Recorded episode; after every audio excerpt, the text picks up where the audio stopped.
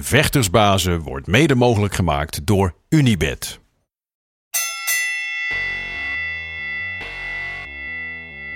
Are you ready for Vectorsbazen?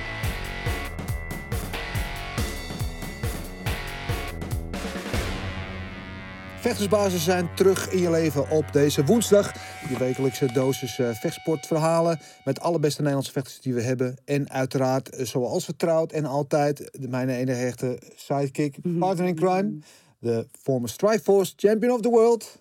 Blijft goed klinken. Ik eh, blijf ermee doorgaan. Enige echte Marloes Marloes nog een beetje geschaatst van de week. Ja, nou, ik, heb, eh, ik wilde wel, maar mijn schaatsen waren te klein. Dat is eh, twintig jaar lang op een mat staan. Dan ga je voeten niet meer zo goed. Maar mijn dochter heeft wel haar eerste, eerste schaatseisjes eh, op het schaats gezet. Zeg ik het goed zo? Ja, om en erbij. Ja, oké, nou dan ben je geëxcuseerd. Traditie wordt voorgezet. Ja, dan ben je geëxcuseerd op de schaats. Want anders, Ja, toch? Echt, eh, nou ja, ik ga er niet over zeggen wat ik er allemaal van vind. ik ben vooral een beetje gestoord aan bezig. We zitten allemaal met z'n allen in lockdown. En iedereen is eh, massaal met z'n duizenden op het ijs. Alsof er helemaal niks aan de hand is. Terwijl wij gewoon keurig binnen zitten. Maar goed, ik ga geen preek houden. Eh, Bij deze dus. Kleintje, bewaar ik voor na. dat ga ik lekker voor doorzeuren. Maar eh, ik, eh, eh, nou, ik heb het over de beste Nederlandse vechters. Hebben met recht twee van de allerbeste Nederlandse vechters hebben. Eentje met een hele mooie shiny belt toch in het midden. Eh, En de andere is Pieter Buist. eh, een van mijn eh, ja, toch wel favoriete vechters. Ik zei het laatst ook nog op, eh, op Instagram. in, zijn voor, in de vorige aflevering dat hij bij ons was. Die, die zo'n fantastische kant van hem zichzelf zien. Ook die kwetsbaarheid weer. Dat ik zat er half te janken. Dus hou het alsjeblieft droog voor mij vandaag, Pieter. ja. ja, en die man met die shiny belt, dat is natuurlijk eh Reinier de Ridder. De One Championship kampioen. De One Championship Fighter of the Year. En, eh, we zijn, eh, en hij is ook nog fysiotherapeut. En hij is ook nog eigenaar eh, van de gym. Van de Combat Brothers in Breda. Wordt het hij niet? Wat is hij niet? Inderdaad, wat is hij niet? Nou, we kunnen, daar kunnen we er wel even een boompje over opzetten. Eh, ja, welkom allebei jongens. Ik ben heel blij dat jullie allebei zijn. Samen. Gezellig. We hebben jullie ooit in heel mooi het begin van Vetspaas al een keer samen gehad. Klopt, ja. En eh, dat was toen al heel erg leuk. Alleen toen waren je nog iets minder bekend dan nu. Nu zijn er natuurlijk twee wereldsterren Ik geworden. heb niet meer over straat. Nee, dat ik. We moesten via de achteringang eh, met bodyguard moesten ze hier het pand in ge- gesmokkeld worden. Maar eh, het is allemaal gelukt. Eh daar gaan we straks allemaal uitgebreid over praten. Hoe, of hoe dat is gegaan en hoe dat nu in de toekomst gaat. Eh, maar om te beginnen, zoals inmiddels al een beetje vertrouwd in deze nieuwe opzet, eh, gaan we jullie een aantal vragen stellen. Eh, dekking laag heet dat. En dan mogen jullie eh, eh, zonder al te lang over na te denken gewoon lekker spontaan op reageren. En dan kunnen we daar misschien eh, even over verder praten. Dat zijn die vragen die we in de mail hadden, toch? Ja, die ja. Ja. Die heb je een halve week geleden al gehad. Dus, eh, Ja. ben benieuwd. Eh, om te beginnen, voor jou Renier. De Aung rematch of Abbasov? Appelsof. Voor jou. De Nachokin rematch of Eddie Alvarez? Fuck. Nacho King. Ja, sowieso. Ja, man. Ik heb echt gaan wel we straks ook nog over praten. Eh, voor jullie allebei, Breda of Shanghai? Breda, 100.000 procent. Ja, man. Breda, jongen. Eh, voor jou Renier, knepen of knijden? Eh, kneden of knijpen? Knijpen. Knijpen, daar gaan we straks ook nog over praten. En voor jou, steen door de raam of weglopen? Steen op de raam. Mooi. Je weet precies meteen waar ik het over heb, hè? Eh, voor jou, ijskoud of bloedheet? Ijskoud. En kalm. Pieter, YouTube of Dojo? Dojo. Voor jou, Renier, Musashi of Adesanya? Musashi. Nederlands trots. Voor jou, Oesman of Lima? Lima. Lima? Ja. Eh, en voor jullie allebei, submission of KO? Mag Piet eerst. Dat is al bij lek. Submission. Eh, zal ik even zeggen dan? Zeg je nou submission? Ja. Echt waar? Zo. Die tegen, ehm, eh, tegen Sully was niet mooier dan een armbar, toch? Kon niet beter dan een armbar. Dat is waar. En die knockouts zijn ook wel leuk, maar die kent hij al lang, toch? Knockout is, is... Ja. Submission is gewoon... Iemand zegt gewoon... Stop, ik kan niet meer. KO is gewoon... Elke gek kan iemand KO's. En submission is gewoon Ja, schaken. maar vind ik wel mooi, want dat zegt wat over jouw ontwikkeling eh, als vechter, dat je dit nu zegt. Want je bent natuurlijk een, een kickbokser van, eh, van origine. Ja. Overstap naar het MMA. Ehm, ja, ik weet nog inderdaad, in, de- in die eerste vechtersbazen eh zei, vandaar ook mijn vraag, eh, YouTube of Dojo. Zei ik, mijn, wat, mijn ground game was YouTube, zei je toen. Ja, ja, klopt. Totdat ik werd vernederd door Reinier. Ja. Was het dus. Ik, eh, even serieus, ik zie, me, ik zie met mijn oren te klapperen. Jij, jij zegt dat iedereen iemand knock-out kan slaan. Meen je dat echt? Ja. Knockout is niet zo moeilijk. Hoe vaak zie je op straat een submission? Zat een knockout. goed. Ik, ik vind juist een KO, dat, ik heb het wel eens omschreven als een meesterproef. Als je iemand knock-out kunt slaan, dan, dan beheers je het spel op zo'n niveau. Dat, eh, dat, Dat kan wel, niet iedereen. dat wel. Maar een submission is... eh, een submission moet jij iemand zo tactisch aanpakken. Met KO's ook hoor. Maar met submission moet jij iemand op zo'n manier wegzetten... dat hij het gewoon weg gaat, ge- gaat geven. Net schaken. Ik kan zelf Mhm. helemaal niet schaken. Maar je kan iemand zo wegzetten dat hij bepaalde fouten... vooral strikers... kan je echt op een bepaalde manier wegzetten... dat je denkt van... eh, Oké, nou ga ik je pakken. Maar staande dan? Ik bedoel, sta je, je- op de grond, dan heb je nog een beetje, hou vast aan de grond en aan de persoon. Maar als je staat, dan ben je veel meer uit balans. Je moet iemand in een hoek zetten, je moet het opbouwen, die dekking moet je wegleiden. Dat is toch eigenlijk precies hetzelfde dan? Ja, maar komt voor Piet denk ik ietsje natuurlijker. Ja. eh, Binden dan dit. ja. Submission zo lekker man. Hoe kijk jij er tegenaan dan? Wat vind jij moeilijk aan KO of submission? Ja, wat ik moeilijker vind is, is duidelijk, denk ik. Iemand KO slaan. Maar ehm, wat ik mooi vind aan het resultaat van submission is dat, wat, precies wat Piet net zegt. Als ik die gast vast heb en hij wil gewoon liever opgeven. Hij wil liever zeggen, oh ja, Rijn, jij was gewoon even beter vanavond. Hij wil liever aftikken dan dat hij nog een seconde langer met mij in die kooi staat. Dus dat vind ik wel gaaf aan submission. Ja. Hoe was het toen je kampioen werd? Wanneer wist je dat je hem had? ja, ik wou dat zeggen. Vanaf het moment dat ik hem vast had. Ja. Ja, hoe dat Hoe, waarom wist je het toen? volledige controle. En ehm eh, zelfstaand al. Dus ik had, eh, ik had die bodylock op hem. En ik had echt het gevoel, die gast gaat als nodig is, gaat hij met mij naar mee naar huis. Die gaat echt nergens meer naartoe. En Wist je toen je die bodylock had staan, wist je toen al dat je kampioen was? Of Toen wist ik al, Ja? zat al achter mijn hoofd dat ik hem zou afmaken. Ik voelde zoveel controle over zijn lichaam. ehm, dat hij, ik wist dat hij van mij was. Ja. Voelde je ook dat je, doordat je zoveel controle had, dat hij eigenlijk geen antwoord had op jouw spel? Was niet mee bezig. Ik was totaal niet met hem bezig. Ik was gewoon, ik, ik voelde mezelf zo sterk, zoveel controle op dat moment. Ik had hem op de grond en hij was, ik had hem op de grond niet in de juiste positie. Dus ik gaf hem een klein beetje ruimte om te bewegen. Ik denk, laat hem eens even, we even kijken wat hij gaat doen. Toen hij pakte meteen het aas, hij stapte gelijk, hij ging gelijk omhoog. Ik volgde hem. Ik had zijn nek en ik denk, die gast gaat gewoon nergens meer heen. En stel hij tikt niet af nu, dan doe ik het in de volgende ronde nog een keer en in de ronde daarna nog een keer. Hij gaat nooit aan mij ontsnappen. Nee. Het was die, die wedstrijd, ik niet heel goed, want je hebt een zang is toch een beetje eh, het troetelkindje, een beetje de, de- het uithangbord van, van MMA in, in Azië. Natuurlijk eh, de, de kampioen uit Birma, of Myanmar moeten we tegenwoordig zeggen. Eh, eh, enorm populair. Er komt er de, de ridder uit Holland, no nonsense, geen gelul. Social media als moet, af en toe. Eh, ja, werd daar, voor mijn gevoel, werd jij daar naartoe gehaald om te verliezen. Voelde jij dat ook zo?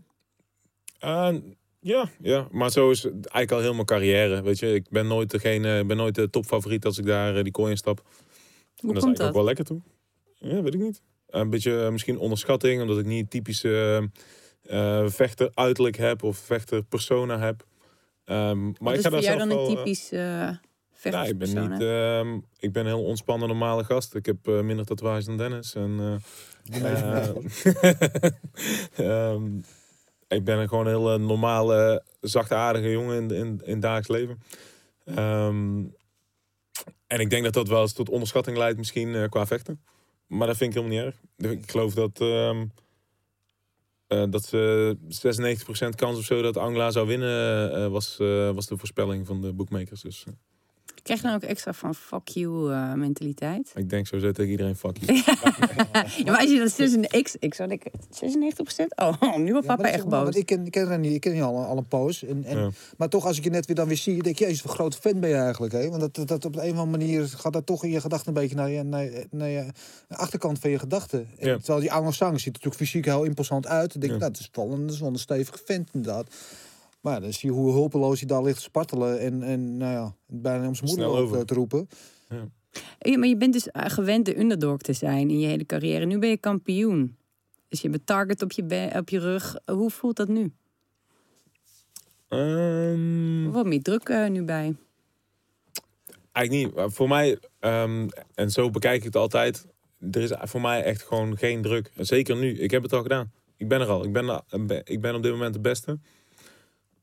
Dus eh, wat er ook gebeurt, dat pakt niemand me af, weet je wel. dat zit al in mijn, ehm, in mijn geschiedenis.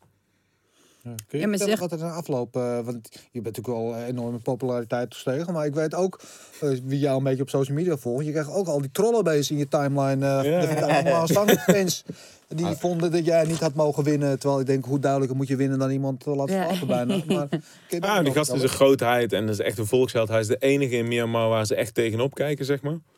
Dus eh, ja, Hij is dus had ik ook... de, de Michael Jordan of de Cristiano Ronaldo van eh Myanmar. Ja, zeker. Dus Standbeelden en alles. Standbeelden wel. Ja. achterstandbeeld. Ik sta er zo achter. Zo. maar ehm, ja, dus ik, ik had niet heel anders verwacht. Weet je. 50 miljoen mensen wonen daar. Een van de armste landen ter wereld. Hij is hun grote held. En dan komt die flikker uit, eh, uit Nederland, die komt hem even afknijpen. dat is toch wel een beetje lullig. Ja. Ja. In Maar kun je wat vertellen? Wat zijn de soort dingen, wat voor soort berichtjes je dan kreeg? ja, ik heb niet echt gekeken hoor. Nee? Dus eh, nee, ik, ik klik de reacties open. Ik zie eh, fuck you, je moeder dit. Ik denk, oké, laat maar. Delete. Oké, deze telefoon hoef ik even niet meer te zien. dat soort dingen, daar ga ik niet allemaal zitten lezen, want dan word ik niet. eh, dat Nee. dat eh, voegt niks toe aan mijn leven. Ik kijk even naar Pieter, want Pieter is altijd heel bedreven op social media. Jij hebt het wel zitten lezen waarschijnlijk Ja. dan. Wat, wat soort dingen heb je gezien? Dat hij een rugzak is. dat iemand die hele dag op iemands rugzak ging helemaal stuk. Die mensen zeiden, hij moet niet naar Myanmar komen. Dat. Als hij daar vecht, ik ga niet meer. Ja, ik, ik, ik heb de rug altijd, maar hij is... eh was toch prachtig. Hij is in ieder geval bekend daar. Ja, precies, ze weten wie ik ben. Ja. Ze hebben nou die eh staatsgreep daar, maar hij Ja. staat nog steeds op de tv, hoor. Meest gehaald, ja. ja. Oh, zit jij erachter? Oh, nee. Ja. ja. Eh, maar je zegt weinig veranderd dus sindsdien. Ja, het is, ik heb echt een heel erg ehm, twee levens, weet je wel. Ik heb gewoon een, eh, ehm, als fysiotherapeut werk op een gemakkie, ondernemer. Eh, ik heb een een gezinsleven. Als ik hier in Nederland ben, is het gewoon echt heel relaxed. Ik heb gewoon echt een goed leven. Elke dag sta ik met veel plezier op. En ehm, ehm, ik ben echt een gelukkig man en lekker ontspannen. En dan als, die, als het tijd is om die killer naar buiten te laten komen, eh, dan vera- verandert mijn mindset een beetje. Maar Wat verandert er dan? uh, alles. Elke gedachte die ik heb. eh, elke interactie die ik met mensen heb. Kun je dat uitleggen? Dat vind ik altijd super interessant. Eh, ja, hoe dichter dat zo'n partij in de buurt komt, hoe, hoe meer het beest naar buiten komt. Ja, maar wat motiveert jou dan om te vechten? Want voor veel kampioenen is de grootste downfall is het verlies aan honger, hè? verlies aan gretigheid. Want de heel lange weg moeten ze knokken om te komen aan de top. Waar ze willen zijn, dan zijn ze er eenmaal aan. Dan gaat toch een beetje die, die, die Mhm. snap eraf en zo. En jij, hoe je nu praat, en zo praat je volgens mij al voordat je kampioen werd. Ja. Ja, het is oké. En als vechten morgen ophoudt, dan is het ook oké. want dan heb ik nog steeds mijn, mijn, mijn gym en mijn praktijk. En het verandert eigenlijk niet zoveel. Nee. nee. Maar wat motiveert jou dan toch om door te gaan vechten? Dat zit in mijn DNA. Ik ben, ik wil overal het allerbeste in zijn. Dus als wij nu eh, een potje dammen, ga ik niet weg voordat ik je 33 keer verslagen heb. Ehm, dus de- het gaat niet, of het om, gaat niet om of het vechten is of, eh, of wat dan ook. Ik wil altijd winnen. Ja, Pieter? Kan ik niet tegen zijn vriend? Ja. Ja. Maar daarom verliest hij ook niet. Ja.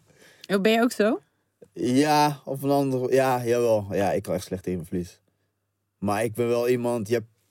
Rijn en ik... eh, kan ik uitleggen? Wij zullen nooit iemand anders de schuld geven dan onszelf. We zijn heel kritisch op onszelf. Dus we zijn heel veel met onszelf bezig. Dus daarom is het denk ik voor ons ook niet zoveel moeite om te motiveren. Wij knokken.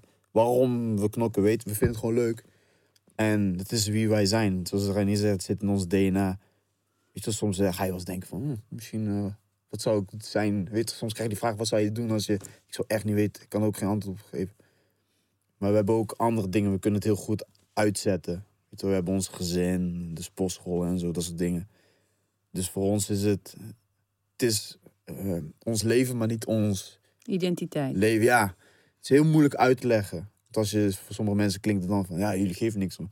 Het is ons alles. Weet je, als wij winnen, dan zijn we blij. Als we verliezen, zijn- zijn we verdrietig. Het is ons alles alleen. Ik denk dat we heel goed die onderscheid weten te maken. Wat sommige vechters niet hebben. En als ik voor mezelf spreek, voor mij, ik vecht ook echt voor een stukje nalatenschap. eh, de mensen om me heen trots maken. Ehm, iets bijzonders van mijn leven maken. Weet je, eh, er zijn zoveel fysiotherapeuten die elke dag mensen helpen en dat is heel mooi.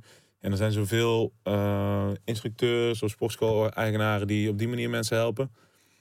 Maar er zijn niet veel die zo ver zijn gekomen als ik ben gekomen. En ehm, die op die manier een nalatenschap kunnen bouwen.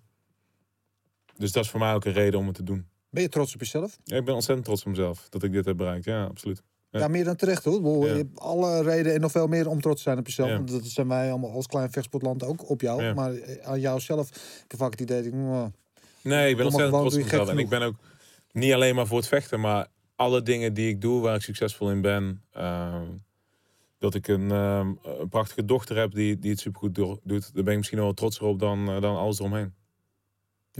En, en misschien dat we dat toch dat nuchtere, die nuchtere benadering die jullie allebei nu noemen daarover. Dat weet je, nou, het is maar een onderdeel van het leven eigenlijk komt het neer.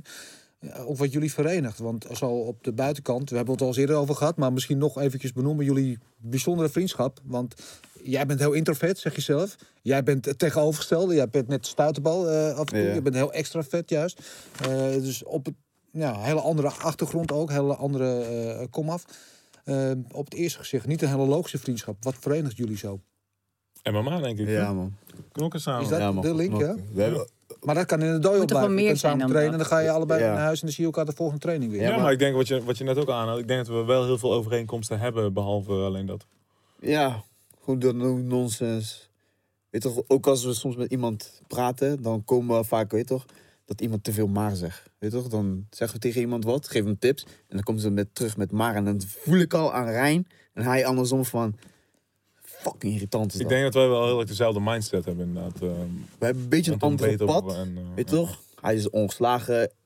Hij, hij bewandelt zijn pad anders dan ik. Maar we hebben wel dezelfde missie, dezelfde mindset, dezelfde drive, dezelfde... Het komt misschien uit andere omstandigheden of zo, maar komt uiteindelijk op hetzelfde neer. Paarden lopen parallel en kruisen elkaar Ja. toe zo. Ja. Weet je, Halen jullie er ook motivatie dan uit bij elkaar? zeker. Ja, absoluut. Toen ik eh, bij mijn laatste partij, toen had ik gewoon fucking blij. Ik was heel die partijen, ja, ik was niet vergeten natuurlijk, maar ik kan dan ook, terwijl normaal zou ik dat echt niet kunnen.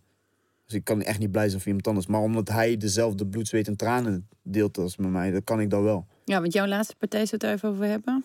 Liever niet. Ja. Wil je het over hebben? Ja, natuurlijk, fuck. Oké. Wat eh, kun je een beetje vertellen? Wat, eh, we- ik zat hem gisteren nog te kijken met Roem. Roem is hij is wat tam. Ja, het kwam er gewoon niet uit. Dat, dat was gewoon. Het was, ik was mezelf die dag niet. eh, er kwam een blokkade die er al heel lang zit. Die ik heel lang heb kunnen uitstellen. En eh, die kwam er gewoon nou uit. Gewoon alles wat er in de wereld gebeurde. De lockdown, thuissituatie. Eh, het gaat gewoon goed met mij en mijn vriendin. Maar er was eh, iets eh, lichamelijk daar aan de hand. Allemaal, dat kwam allemaal. En dat was gewoon. Dat, is gewoon e- dat, was, dat was mijn zwakke plek in mijn leven. Ik ben er nou ook mee bezig. Ik heb een Rijn veel gezeten met het team. Ik heb een mental coach ingeschakeld en dat soort dingen. Dat was gewoon mijn, mijn knik in mijn harnas. Gewoon dat ene aspect. Waarom blokkeer ik? Ik was Het niet. te- mentale gedeelte. ja, mentaal was voor mij. Dat was er voor mij niet, zeg maar. Weet toch? Dat, dat bestaat, bestond in mijn wereld. Wil je dat vertellen eventjes, eh, even één stap terug over wat je vertelde waar die blokkades werden veroorzaakt? Nou ja, eh, bij mijn vriendin hadden ze dan een, een plekje gevonden op de baarmoeder. Dat moesten ze weghalen. Dus de dag dat ik vloog, heb ik haar naar het ziekenhuis gebracht. Ik dacht dat je naar je wedstrijd ging. Ja, dus op donderdag gingen we vliegen. Donderdag heb ik haar weggebracht. Dat was al één ding. Wat er in de wereld gebeurde. Ik was te veel bezig met... Maar dan wil je toch helemaal niet meer het vliegtuig instappen, lijkt me. Dat- dat- Nou, als ik met- nou achteraf terugkijk... Ik, wou, ik kwam om te knokken, maar niet zoals normaal, zeg maar. Normaal kwam ik gewoon... Iemand gaat dood die dag. En ik ben het niet. Dat was mijn hele instelling. Nu was het gewoon van... Ja, ik kom gewoon om te knokken. Ja, ik ben blij als het erop zit. Nou ja, dat ook weer niet. Maar i- ja, en ja, het is moeilijk uit te leggen. Heel moeilijk uit te leggen. Ik was met, met niks anders bezig dan met...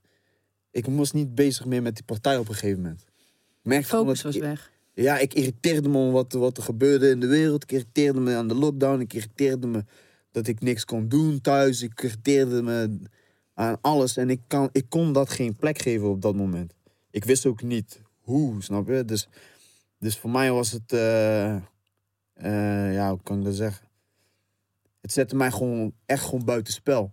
Ik weet nog dat ik gewoon in de wedstrijd was er gewoon...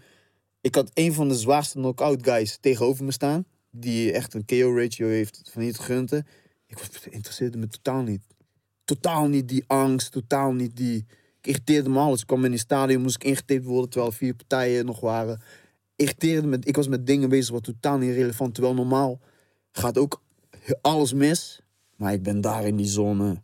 Ik, ik, was, op, ik was totaal niet meer op mijn missie. Ik was, Merk is je dat niet- ook op het moment dat je in die kooi staat, ja, dat het ontbreekt? Dan, of Ja. komt dat besef wat je nu zegt, door die, Ja, dat je die blokkade hebt, zo komt dat later. Ook de derde ronde pas kwam in één keer, weet ik nog goed, dat ik... Fuck, ik sta gewoon achter, man. What the fuck? Weet je toch? Ja. Dus de derde ronde, ik was niet eens moe. Ik had helemaal niks, geen zweet. Helemaal niks. Fuck. Hoe ging die eerste ronde? Dan had je het gevoel dat je aan het dromen was. Ja, ik kwam niet in... Ik was niet in die... Ik had mezelf niet in die zone gebracht. Niet dat ik er niet zelf in kon komen, maar ik bracht mezelf er gewoon niet in. Hoe doe je dat normaal? Eh, In wat voor zone? Als je gewoon lekker in je vel zit. Hoe, hoe gaat dat normaal? Alles draait om mij. Die dag. Al, of de hele week. En het heeft niks mee te maken of met Rijn op dezelfde kaas. Alles draait gewoon om mij. De hele week. Ik was op mijn kamer en dan zat je op social media. En dan zie je dit gebeurt er. En dat gebeurt er. En zus gebeurt er. En dan denk je, ja waarom?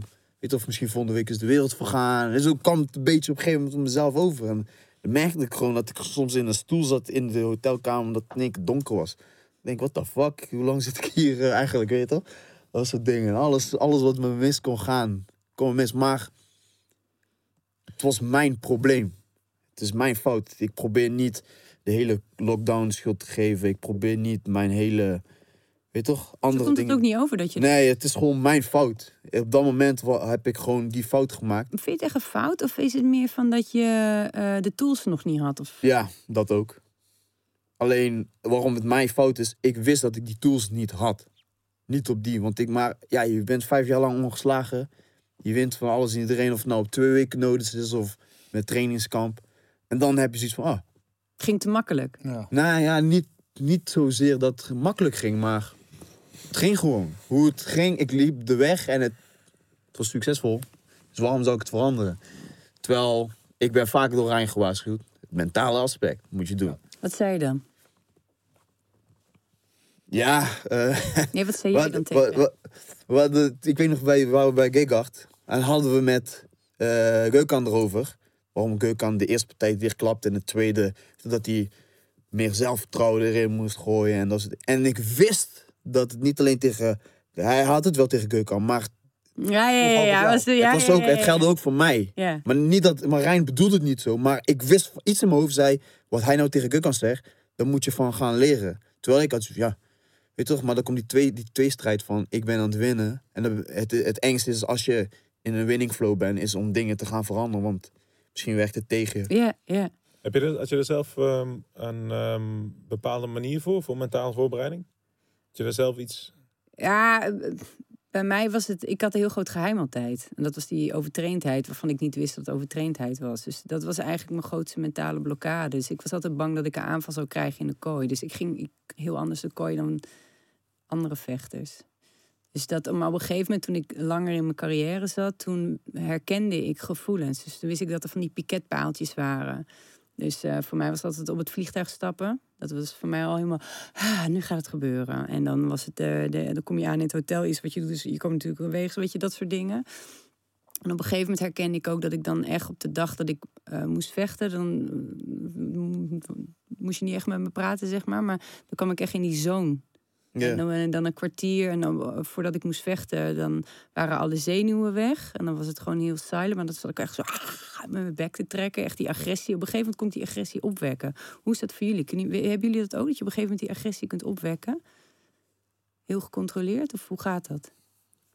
Ehm, dat komt vanzelf. Ik, eh, ik ben altijd alleen maar bezig om, om alles onder controle te houden. In aanloop naar de partij toe, zeg maar. En de laatste emoties en Ja. de... Vertel. Ik ben juist alleen maar. eh, dus we hebben toen ook ehm, na een pizzapartij ook al uitgebreid over gehad. Dat je zeg maar, je hebt drie fases voor een partij. Dus je hebt eh, je trainingskamp, dus dat is tot zeg maar een week voor de partij. Dan eh, de week dat je daar bent. En die was voor onze laatste partij best wel heftig. Omdat we gewoon eh 24-7 in een hotelkamer hebben gezeten.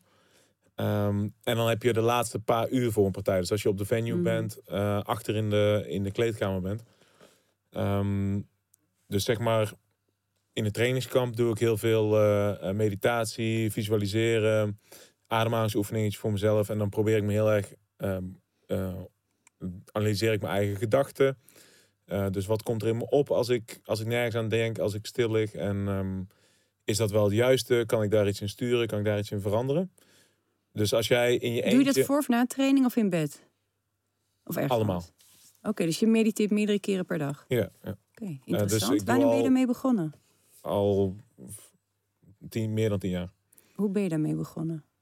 Weet ik niet. Eh, altijd het laatste wat ik, voordat ik in slaap val, nog steeds, is ehm, denk ik aan eh sparringsrondjes, denk ik aan techniekjes, laat ik dat soort dingetjes voorbij komen, visualiseer ik bepaalde dingetjes. Eh, dat, dat doe ik altijd wel. Daar ben je gewoon op een gegeven moment mee begonnen en ineens was dat een... eh, ik- Dat is gewoon van natuur gekomen, denk ik. Ik weet het niet. Sinds ik, eh, sinds ik met MMA en Brazilian Jiu-Jitsu ben begonnen. dus in je judo-periode niet. Veel minder. En dan, toen was ik, dat, was ik daar ook nog niet van op de hoogte. Toen was ik, was ik een, was er nog niet, niet bewust. Toen wist ik ook nog niks van mentale voorbereiding of, of wat dan ook. Toen had ik ook nog geen idee wat een zelfbeeld is. Of wat je van jezelf vindt. En, en op welke manier dat, dat eh, belangrijk is. Maar wat ik wou, wou zeggen. Wat komt er in je op als jij in een zwarte kamer, in een donkere kamer ligt. Op je rug en je hoeft niks te doen. En als je, wat, er, wat er dan voor gedachten door je heen gaan. Ik denk dat dat heel veel zegt over wie je bent. En ik denk dat dat heel belangrijk is om achter te komen voordat je die kooi instapt. Want als er één meditatief moment is in je leven, is het wel als die kooideur achter je dicht gaat. Want er bestaat letterlijk niks anders meer dan die gasten kop eraf knijpen. Ja. Of slaan of wat Heb je het gevoel dat er dan ook nog tijd is? Of is tijd weg? Tijd is weg. Ja. Eh, de rest van het leven is weg. Ja. Niks bestaat meer. Ja. En als je die staat kan bereiken, dat is, dat is wat je dan in de zone eh, noemt, of dat is wat je in het moment zijn noemt, of wat dan ook. Dan kun je presteren. En als je niet in het moment kan zijn op dat moment, dan heb je zo'n partij als die je Ja. laatste keer had. Dan, dan lukt het niet, dan loopt het Ja. niet. En dan, Je bent tegen jezelf. Ik weet nog toen ik tegen Edward moest. Mijn zoontje was net geboren. Alles wat mis kon gaan, kon misgaan. Twee weken van tevoren gaan. Maar ik was gewoon. Ik weet, niet- ik weet niet eens meer hoe die partij ging. Ik weet nog dat ik een telefoon, dat ik in de persconferentie dat ik een telefoon in mijn handen gedrukt kreeg. en Dat ik over een low kick heen trapte en met een high kick maakte. Mhm. En ze ja, hij gaat viral. En ik dacht, what the fuck, wanneer heb ik dat gedaan? Heb wist- dat ook? Heb jij dat ook? Dat je- nee, ik kan me heel goed herinneren. Ja? Juist. En ik kan ook... Ik Ieder, dat Jij weet gewoon, je kan feitelijk de hele partij dan gewoon... eh, gewoon met mijn ogen dicht naspelen. ja. Ja? En ik denk dat dat een van mijn talenten, of misschien mijn talent is in de sport. Dan kan ik ook van elke trainingssessie. Dus ik, als ik s'avonds in bed lig en ik analyseer hem. En Heel analytisch brein. Dus Is dat omdat je dat zo getraind hebt? Of is ik het niet. een... eh, Ik- denk dat het. met alles? ik denk het, maar dat, ik ben sowieso ehm, heel analytisch. Dus dat zit ook een beetje in dat, eh, in dat stukje van dat ik introvert ben, denk ik. Ehm, maar ik, ik, kan heel, ik, ik ben iemand die heel erg analyseert. Dus heel erg eh, patronen bekijkt en zo. En ehm, ook van tegenstanders. Dus de manier waarop ze staan. Houding is natuurlijk sowieso iets waar ik als fysiotherapeut ook veel naar kijk. Maar dat is ook iets wat, wat ik heel veel gebruik in voorbereiding voor een partij. Hoe beweegt hij? Waar is zijn voet? Waar is zijn knie? Waar is zijn heup? Eh, wat is de positie van zijn rug? Dat, dat zijn allemaal dingetjes die... Hoe had je eh Aung San La, whatever. Ja. eh, hoe had je hem geanalyseerd? Ja, ik ben echt iedere naam. Hij heeft heel een brede stand. Ja. Hij staat heel zwaar op zijn voorste been. Ehm, wat hem heel erg ehm, eh, open maakt voor single legs. Eh, bijvoorbeeld single leg takedowns zijn heel erg makkelijk voor hem, bij hem. Waar je sowieso al van houdt. Wat ik sowieso wel interessant vind inderdaad om te doen. Ehm, dus dat is een van de dingetjes die, die, ik, die ik aan hem zie. Kun je ook kracht lezen aan hem? Ja, hij ziet natuurlijk behoorlijk getraind uit. Maar zie, zie je als fysiotherapeut dan ook andere dingen dan wanneer ik of Dennis naar kijken? Ja, dat denk ik wel. Dat denk Wat ik wel. zie je dan? Ehm, hij is explosief. Hij, eh, zijn isometrische kracht is een, eh, wat je ehm, isometrisch en explosief. Isometrisch is zeg maar dat je sterk kan zijn eh, op één plek aanspannen. Dus dat zit veel meer in grappling. En explosief zit veel meer in striking. Dus ehm, een- Mhm. in een, een afstand overbruggen in een zo kort mogelijke tijd. Dus hij is heel explosief, maar hij is isometrisch is hij niet zo sterk. Dus ehm, dat voelde ik ook op het moment dat ik hem vast had. Zodra ik controle over hem had, voelde ik dat zijn isometrische kracht is niet zo, niet zo gigantisch. Hoeveel, kan je ook uitleggen hoe je dat voelde? Dat ik alles met hem kon doen wat ik maar wilde. Dus op het moment dat ik zijn heupen vast had, voelde ik dat ik hem... Waar ik hem neer wilde leggen, ging hij terechtkomen. Hoeveel, hoeveel sterker voelde je jezelf in procenten? oneindig veel sterker. Ja? Op het moment dat niet, eh, niet te vergelijken. Ehm, maar wat ging het? Nou, we, waren, we zijn compleet Nou ja, afgeleid. Want ik vroeg eigenlijk van hoe jij, Pieter, eh, wat je tegen hem zei eh, over het stukje mentale. Ja, dus dat je daar ook tijd in moet steken. Ja. Ehm, en dat is, dat is iets wat heel veel vechters eh, vergeten. Het is eh, trainen, eten, slapen. En ehm, ik denk dat dat... Dat is allemaal relatief, zeker als je zo ver bent als wij zijn. We zijn ah, ik ben 30, Pieter is 32. 32. Ehm, we, we kennen techniekjes wel. We weten wel hoe we fit moeten worden. Dat is, dat is het probleem niet. We weten hoe we sterk moeten worden. Dat, dat, is, dat, dat is er allemaal wel. Maar wat heel veel vergeten wordt, is gewoon dat stukje. Als jij je ogen dicht doet en er is niemand bij... en er is geen telefoon om je af te leiden... er is geen tv om je af te leiden... er is, geen, er is niks om je heen... wat vind je dan van jezelf? Wie ben je dan? Wie ben je dan in het diepste van je zijn? Welke gedachten komen er in je op als jij met je ogen dicht in bed ligt? Eh, Analyseer je ook mensen die bij jou in de gym komen, bij je komen trainen op de manier waarop ze trainen? Herken je daar ook eh persoonlijke Patronen in? Ja, 100%. Ja? Ja, Maar wat En- zag je dan bij Pieter? Dat is wel een goede vraag. Ehm, Pieter gaat ook meteen. Hey. Hey. Ja, ik weet het al. hier. Je wordt een beetje... Volgende vraag. Oké, nee, eh, ja. Dennis. eh, Wat is je? Maar wat je bij Piet ziet, is dat hij. ehm, ehm, er zit heel veel. Hij wil alles voor geven. Hij wil alle inzet geven die hij die, eh, die die heeft. Maar Piet is iemand die wel daarin wat sturing nodig heeft. Wanneer moet hij wel 100% gaan in de training? Wanneer moet hij een stapje terug doen? Waar moet de nadruk op leggen of, eh, liggen of wat dan ook? Daar de- heeft Piet iemand nodig die dat af en toe tegen hem zegt. Want anders gaat hij alleen maar 100% overal. En dan Ja. En hoe, hoe help jij eh, je Mattie daar? Help je, zeg je dat soort dingen ook tegen hem? Van hé, ik zag dit, dit en dit in de training. Bij hem, hij kan heel kalm zijn. Weet je, hij heeft zo'n eh Hessel dan. Die kan hem in die zone brengen. Dus voor hem is Hessel, weet je, je moet ook je dingen kennen. Me- Meestal met, met staande gedeelte zeg ik tegen Rijn, oké, een beetje dit, dat, zo, zo doen. Maar bij hem moet je ook weer niet te veel sleutelen aan, aan wat hij... Het is gewoon goed zo. Zo is de goed. basis is er. Ja, ik ga niet van hem een beste strijk maken. Dat, dat kan hij wel worden. Want hij, hij jabt mij gewoon eruit. Maar dat is meer als genoeg. Hij doet precies genoeg wat hij alleen zijn... Wat hij zelf ook wel zegt van... Hij moet in die zone komen. En dan Hessel bijvoorbeeld, die kan hem daar gewoon in brengen. Dus Dit ik, is over Hessel. Hessel, eh, ja, dat is eh onze trainingspartner. En die brengt hem dan ook wanneer hij klaar moet staan. Dan is Hessel er ook gewoon slap, bam, ey. Hij heeft nooit een partij gemist. Al mijn partijen Ja. is hij Ja. geweest. Hij is daar. moment. En- En ehm, zeker in het begin kon ik wel te rustig zijn, zeg maar. Dan zat ik en dan was dat mijn probleem om niet in de zone, in, in de zone te komen, omdat ik Te introvert, achter- te analytisch. ja dat ik erachter zat eh, in de kleedkamer en eh, dat ik of ik zou nou boodschappen gaan doen. Of ik ging daarna knokken, weet je wel. Dat was een beetje hetzelfde dingetje. En nu heb ik Hessel altijd naast me die zegt... We gaan knokken, ouwe, we gaan een sloop bouwen. Niemand gaat jou stoppen. Ah, ja, dat is waar, ja. Maar Pieter, waarom heb jij dat eh, eigenlijk eh, buiten de deur gehouden, zo lang, dat mentale aspect? Want het is wel eens vaker aan je gesuggereerd, toch, dat je er wat mee moet doen? Nou ja, eigenlijk. mm, ik wist dat er altijd iets was dat mij tegenhield. Maar pas sinds dat ik met Reinier en met Combat Borders samenwerk, is dat, is dat, word, word ik daar extra mee geconfronteerd. Maar het is ook op het niveau waar we nou zitten. Nu is, we zitten op niveau dat gewoon nul fouten gemaakt worden. Ja. Dat zie je. Maar ja, vechten is natuurlijk ook- voor het grootste gedeelte mentaal het is iets. mentaal. Ja. Ik ga liever mentaal sterker in dan dat ik, en dat ik fysiek niet afgetraind ben dan andersom. Maar dat zeggen we nou wel leuk hier met z'n vieren. Maar als wij de enige vier in Nederland zijn die dat weten, dan... dan...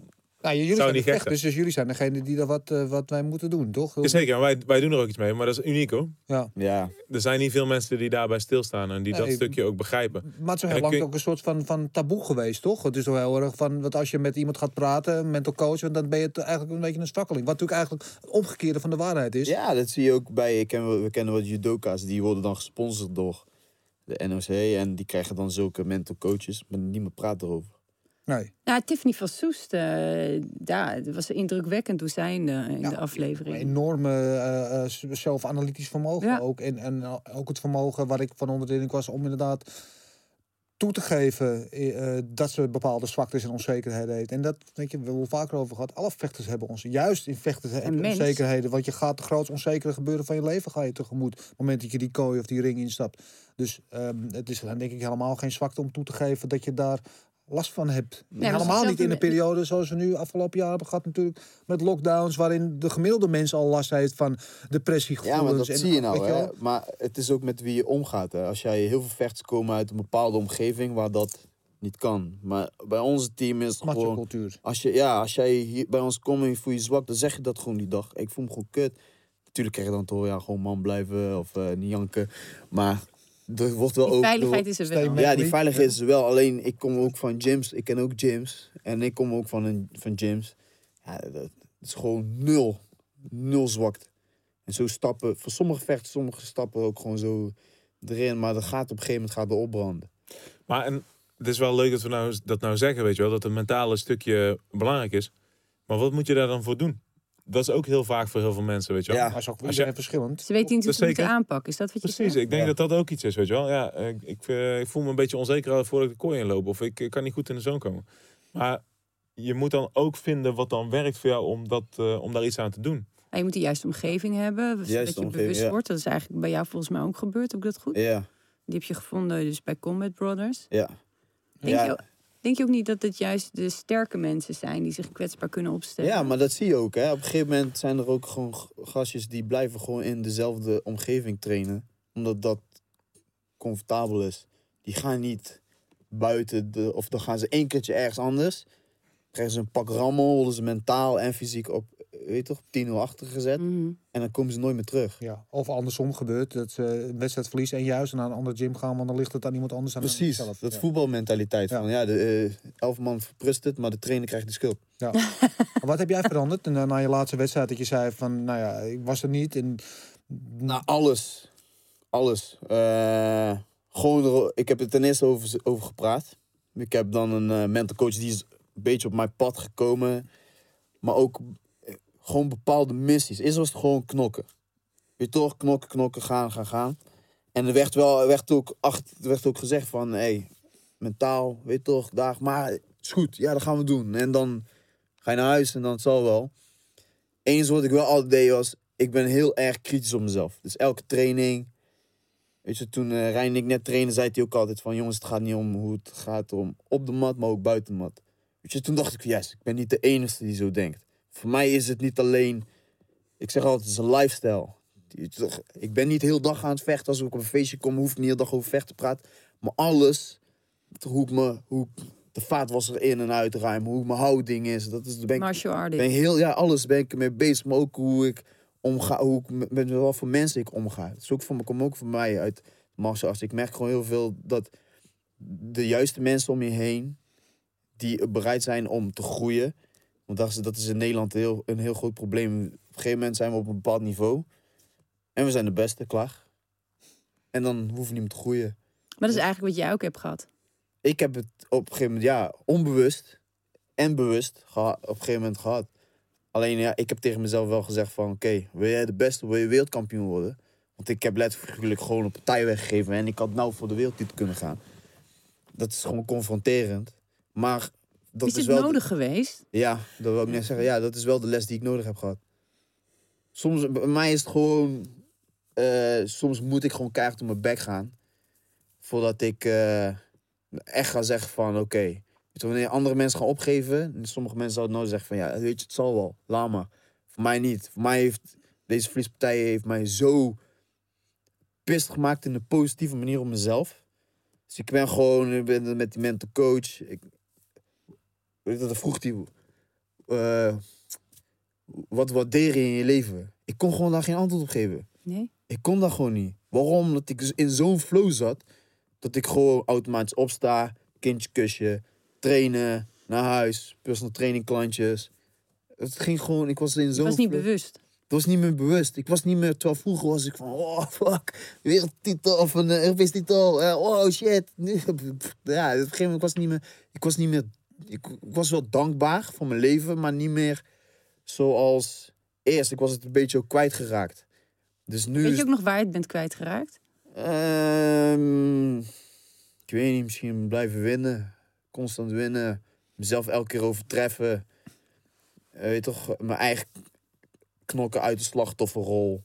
Meedraaien met de beste mensen. En op een gegeven moment... Niet dat, ik heb mezelf nooit de beste gevoeld. Dit is heel belangrijk. Wat je nou zegt is heel belangrijk. Ja, Dat zelfbeeld. Dus als je, als je van jezelf, als je diep van binnen kan voelen dat je de fucking beste bent, dat niemand jou kan verslaan, dan kun je het ook worden. Maar als je dat gevoel niet, Ja. als je dat niet in je, als dat er niet zit, dan wordt het heel lastig. dat wordt lastig. Alleen bij mij was het op een... eh, hoe, hoe zei ik dat? Bij mij is het zo. Ik heb altijd tegen mezelf gezegd... Ik zal misschien nooit de beste BJ'er worden. Ik zal nooit de beste kickboxer worden. Ik zal nooit de worstelaar worden. Maar de dag dat het moet, kan ik iedereen verslaan. Dat is altijd Dat is mijn... een weten. Ik weet dat. Ik weet gewoon dat als ik... eh, als het hier goed zit, dat ik iedereen op de wereld kan verslaan. En nogmaals, ik ben niet de beste striker. Ik ben niet de beste submission, submission guy. Ik ben niet de beste worstelaar. Dat weet ik van mezelf. Maar ik weet wel dat ik alles bij elkaar ben ik beter dan iedereen. Maar wat Ranier zegt vind ik dan heel interessant. Want is het niet zo dat als jij de beste wil zijn, dat je dat ook moet geloven? Dat, dat je dit, Ik geloof het wel, maar niet op de manier. Sommige jongens hoor je van. Ik ben de beste striker en de beste worstelaar en de beste BJ'er. Maar je weet het al wel. Je, je zegt dat je het voelt. Dat is, dat is- Ik dat ben gewoon de beste vechter. Ik ben in algemeen in wat ik in het dagelijks leven verlaat, hoe ik denk, hoe ik doe, waar ik bereid voor ben. Want jezelf kwetsbaar opstellen is gewoon fucked up.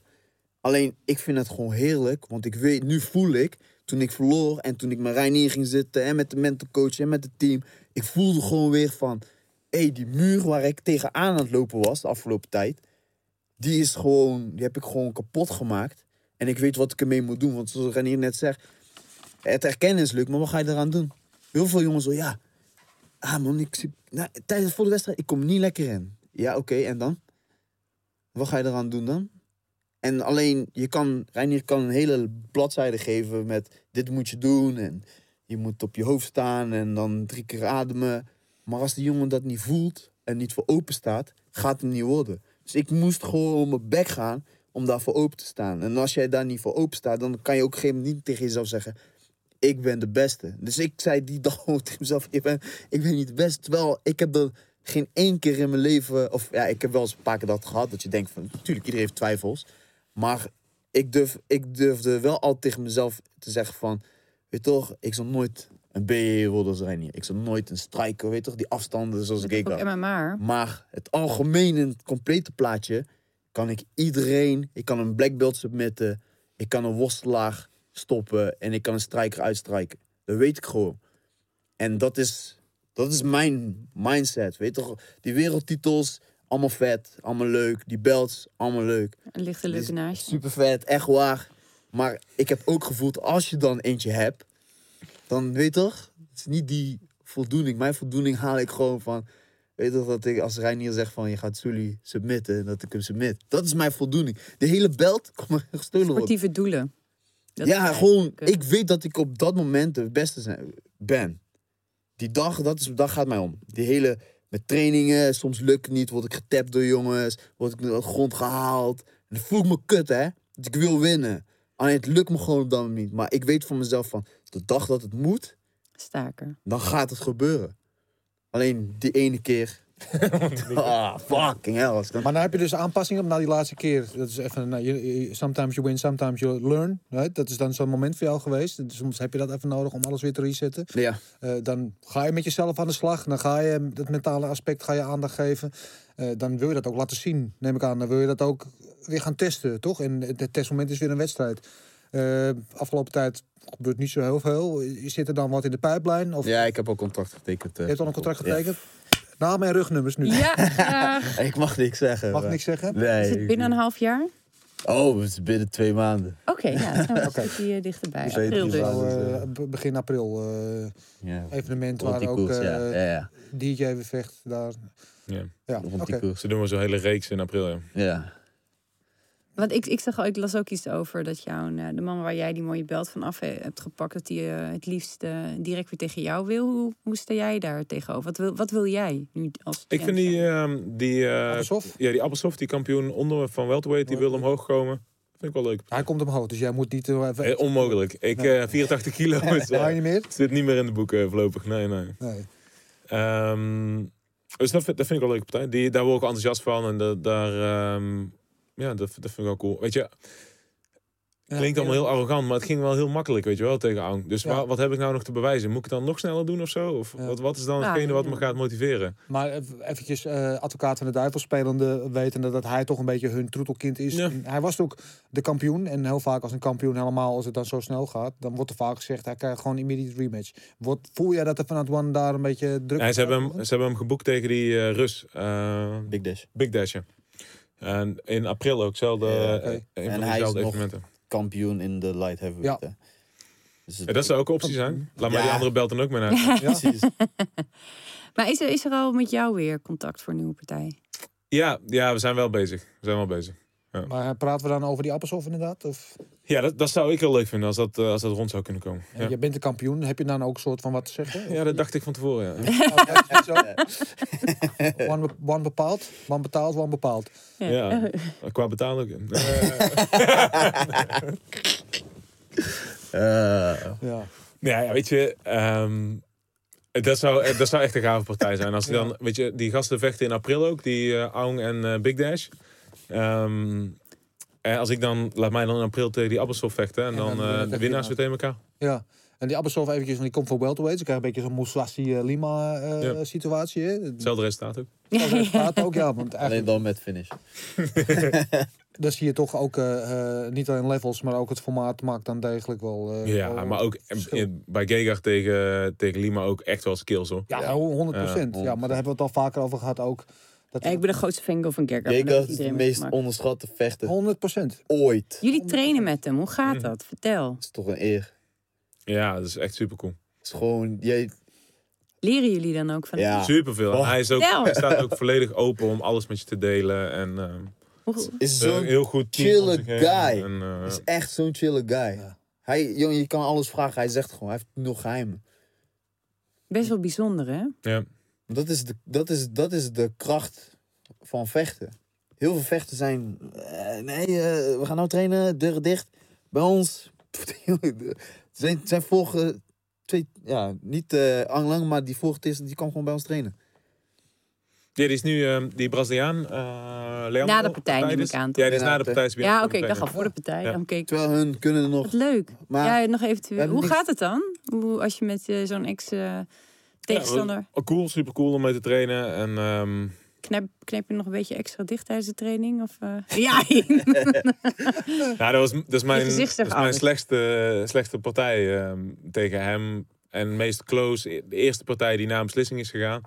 Ik wou het zeggen, je bent Dus eh, ik heb die, die trainingssessies ook wel even extra mijn best gedaan. Ja, maar eventjes terug terug bij Musashi. Ik ben daar wel eens geweest hè, in, in, Ja. in Leiden waar hij zit. En een boerderij. En heeft hij een, een, een schuur heeft hij omgebouwd tot dojo. En daar komt hij dan elke zaterdag of week wel met, met zijn club. ja, op zijn gemakkie, op slippertjes en Ja. En dan, eh, PlayStation. Costello en zijn broer en, en, en al die boys. Het is een hele uh, amicaal. Het zijn echt vrienden. Het zijn, ja, Ja, zeker. het is zeker, echt ja. één familie, man. Echt maar weet. wel serieus. toch, Geen gelul. eh, wel serieus Nee, qua trainen. trainen. Maar je merkt dan ook, soms komen buitenstaanders dan. Ja, die komen ook uit. Dan keertje. merk je echt gewoon van het niveau, eh, hoeveel ja, geluk. Ik geloof niet in geluk, want dat, je, je, je, je dwingt je kansen af. De eer om op dat niveau, dus niet alleen Gegard, maar Gaywick, eh, Costello, Reinier, ik, Zo, eh, Ricardo, Ricardo. noem maar op, iedereen die daar is. Iedereen is daar met een bepaalde missie. Maar er zit nul druk achter. Ook als iemand heeft gewonnen, hey, feest me lekker partij man. En dan eh, eh, eh, eh, hoor je die bel en dan ga je weer. Pop, pop, pop, pop, pop. Wat dan iemand daarna met z'n allen een beetje eten? Nee, niks Nee. ego joh.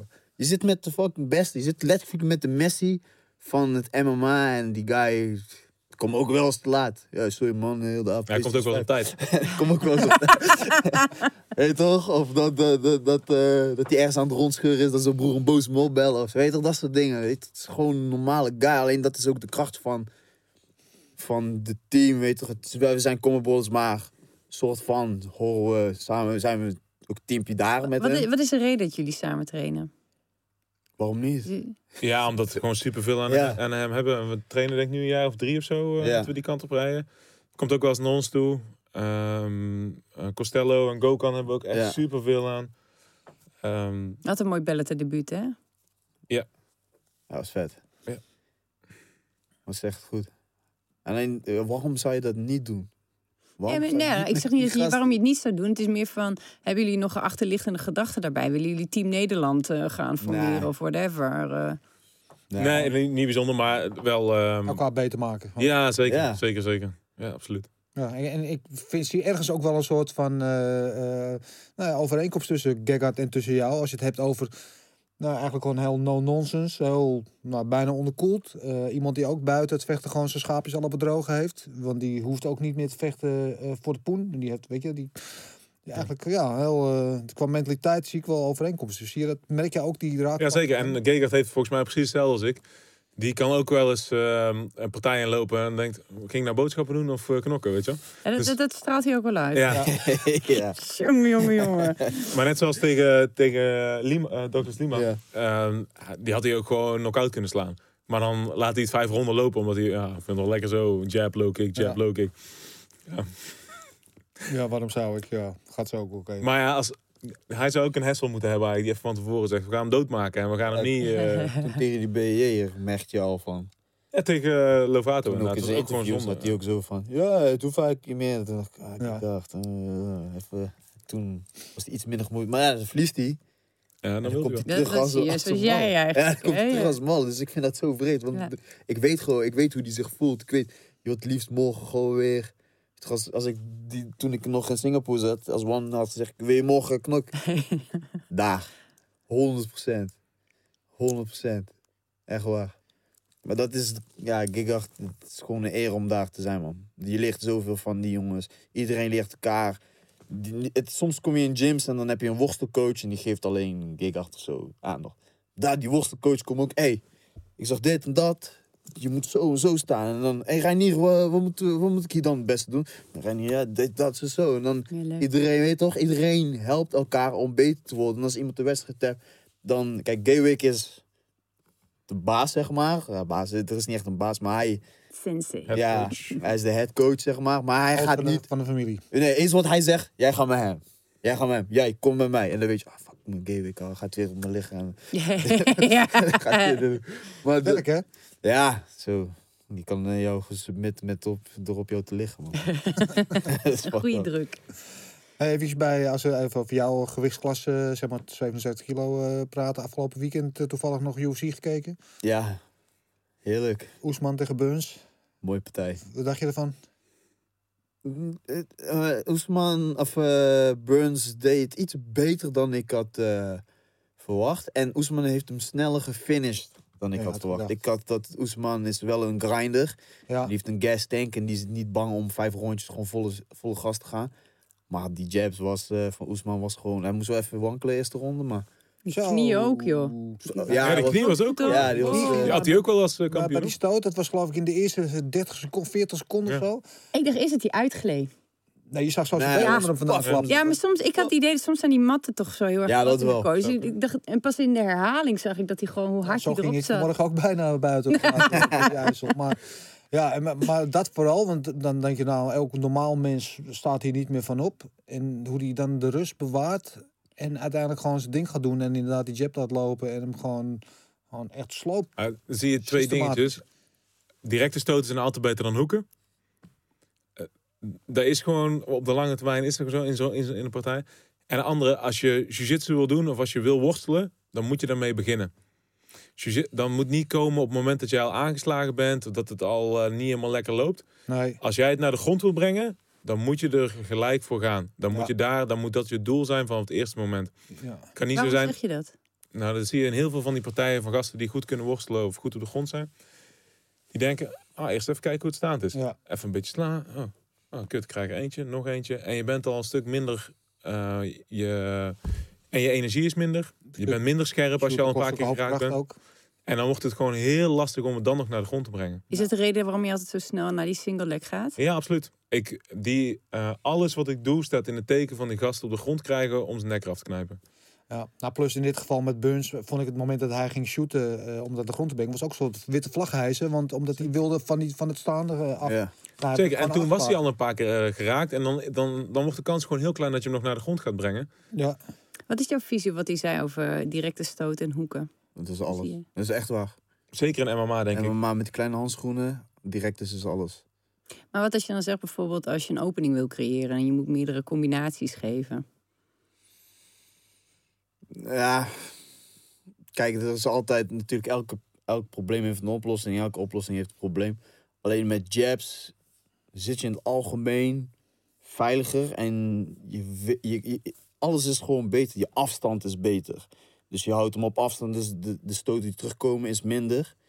En als die shoot, hij is op een afstand. Of zij, of hoe je het wil zeggen. Dus je overzicht, alles is beter. Met een hoek is het vaak... Ja, En als je Dus mist, het is ook een tijdje is er, is er ook vaak dat mensen die overhand gaven en dan Ja, dat shoot, klopt. eh, om als inleiding Ja. voor die shoot bijvoorbeeld. Dat was vroeger toen het echt worstelen en boksen was, eh, met name. Ja, bijvoorbeeld Ronda Rousey deed dat heel vaak. Ja. Met, die, met die over, om juist die afstand te overbruggen als je Ja. het snel door de grond wil, eh, wil nemen. En toen kwam Amanda. Ja. En- en, nou, het is eh, dus helemaal opgebrand toen Holly kwam. en hoe heet zij? Holy Home. ja. Ook jabs. Pat! Bam! Bam! Dat is ook heel mooi aan Gega's spelletje, toch? Die jab is gewoon zo godsgruwelijk snel. Je hebt hem al drie keer op je hoofd gehad. Dan denk je, oh, kut. Een jab, twijfel laat je echt... Een hoek kan iedereen, maar een jab... ja, vind je dat de hoek iedereen kan? Ja, ze hebben Waarom een boksbal iedereen? weg op de kermis. Iedereen hoekt. Ja, maar er is een verschil. Ja. Oké, maar er is een verschil of je op de kermis staat of dat er iemand tegenover je staat en die beweegt ook nog eens een keer en je wil iemand achter dat- de oor raken. Dat wel, alleen Met de juiste kracht en de juiste timing. als jij voor... eh, pak een Floyd bijvoorbeeld. Bijna alleen maar jabs. Sam Schild. Bijna alleen maar jabs. Dat zijn toch wel de beste... En dan, het, het is natuurlijk veel complexer dan dat. Je moet niet een... Ik vind het gewoon leuk om dit te horen. Ja, dus daarom ben ik een beetje aan het Of, of prikken. een badder. Hoe badder in het begin vocht. Jab, kick. Ja. Jab, look. Totdat de dag dat hij begon te hoeken, te maaien, werd badder te zwak. Toen hij die jabs, stond hij daar, deed hij die, Ja. had hij die dekking zo. Boom! en dan de look. Ja, dat weet ik nog dat hij met Mike moest hij gewoon af en toe gewoon duizend jabs achter elkaar geven. Precies. Niks anders. Waarom? Je kwam er niet meer doorheen. Hij stopte jou. Hij sloeg je gewoon ook altijd met een jab. Waarom? Een- Als je een goede jab aan iemand geeft, die gast gaat twijfelen aan alles wat hij doet. Maar op een gegeven moment, als je vooral op de jab aan het focussen bent, iemand weet ook echt geen single dingen. Ja. Dan weet ze ook dat het gaat komen, kun je op gaan anticiperen. Dus als je hele goede countervechten hebt, dan, dan, dan Zeker, ben zeker. je niet zeker. klaar met, voor eh, elk met die probleem is een oplossing. Voor Ja, elk nee, nee, nee. Dus het is, nee. het is veel complexer dan dat. Maar ik denk dat de basis heel belangrijk is in een, in een jab, een low kick en een front kick. Weet je wel? Dat is, eh, Zeker in MMA zijn dat gewoon de dingetjes waar je... Ja, en dat zegt zeker bij Oesman dat hij op een gegeven moment dus eh, Toch waar hij het mee ja. eruit haalt, het switch naar, naar Southpaw. Ja. En daar met zijn jab, met zijn rechter jab eigenlijk hem eh, uiteindelijk, Neerslaat. eh, neerhaalde. Ja. Ja. Maar eventjes om eh, bij Oesman te blijven. Eh, nu 17 wedstrijden op rij gewonnen. Eh, hij had een beetje de naam een decision machine te zijn. Want ik geloof na George. Pierre heeft hij de meeste decision wins op zijn. Maar hij kan dus ook gewoon gasten finishen blijven. Ja, duidelijk. Ja. Ja. Zie, zien jullie iemand nu daar in ieder geval bij de UFC in die divisie die hem kan stoppen? Mm, Wat weet toevallig in auto. Ja, ik weet niet zoveel. Nee, denk niet. Ik denk echt, ik kan niet zo 1, 2, 3. Weet je, Masvidal, nee. Nick Diaz, nee Diaz, nee. Thompson, denk ik niet. Want Oesman is gewoon, die bijnaam, die weet toch, eh Nigerian Nightmare. Hij is gewoon een nachtmerrie. Ja. Nou, de enige die, die, die dichtst bij is gekomen misschien is Colby. Kobe ja, ja. zou wel heel interessant nog een keer, eh Dat, Een beetje dezelfde stijl. beetje dezelfde stijl. stijl, precies. Worstel, eh, worstelbasis ook. Eh, Kijk, Oesman zijn, hij heeft niet zwakke plekken zoals Conor. Bij Conor weet je, als je tegen hem moet, tweede ronde gaat het.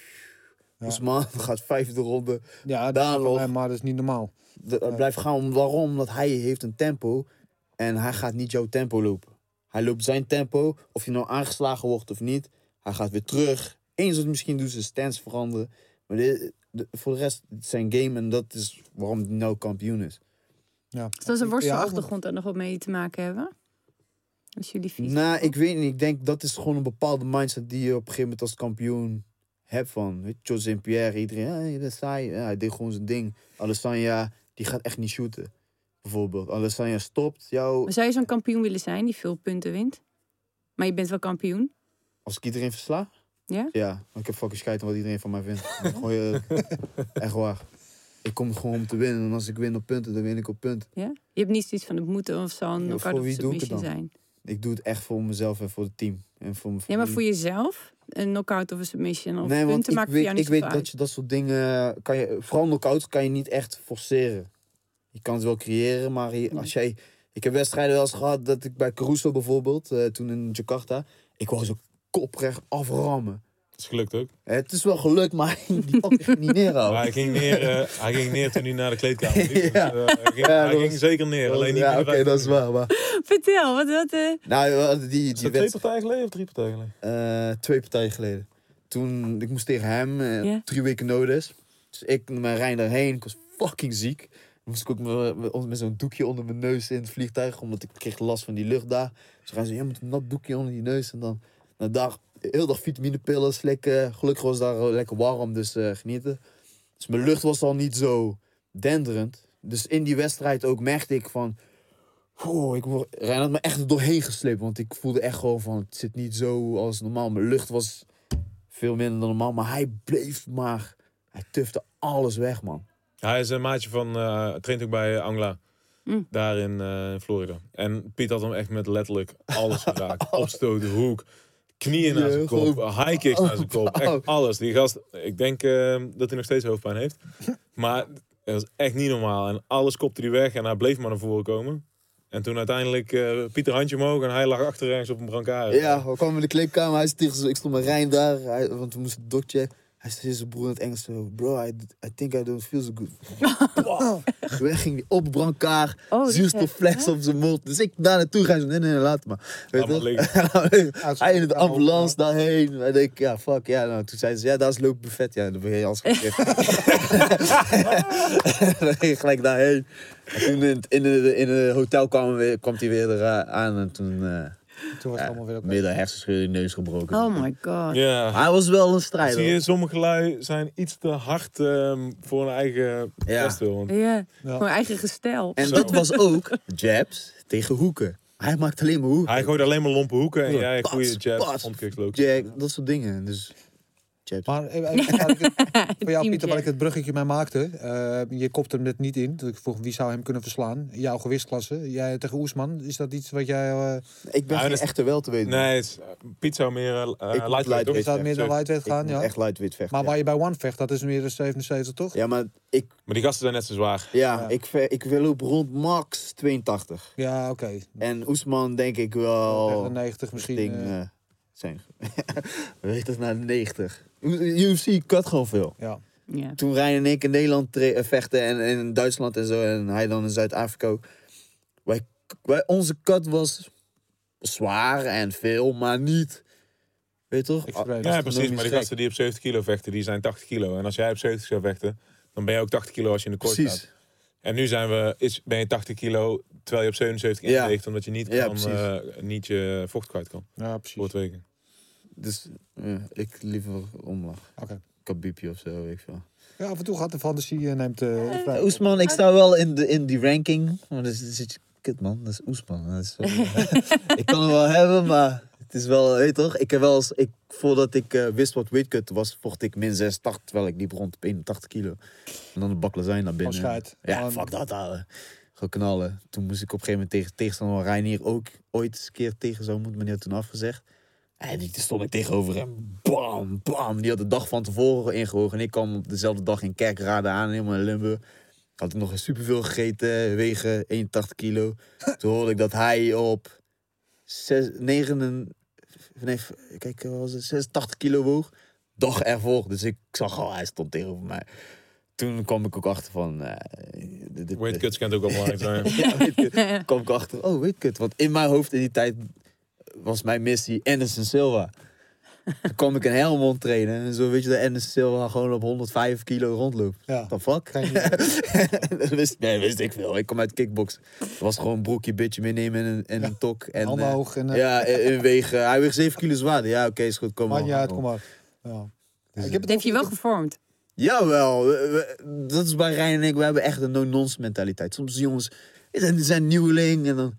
Ja, ik wil een trainingskamp en eh, die trainers moeten mee en mijn voedingsschema en eh, mijn Ja. weightcut. En dan kan je dan voor mij eh, dit doen en een massage en ah, ik moet sponsors regelen. Ah, gast, Je hebt een slecht trainingskamp Ja. gehad. Fuck jou. Ga gewoon trainen. Knokken. Staan. Nee.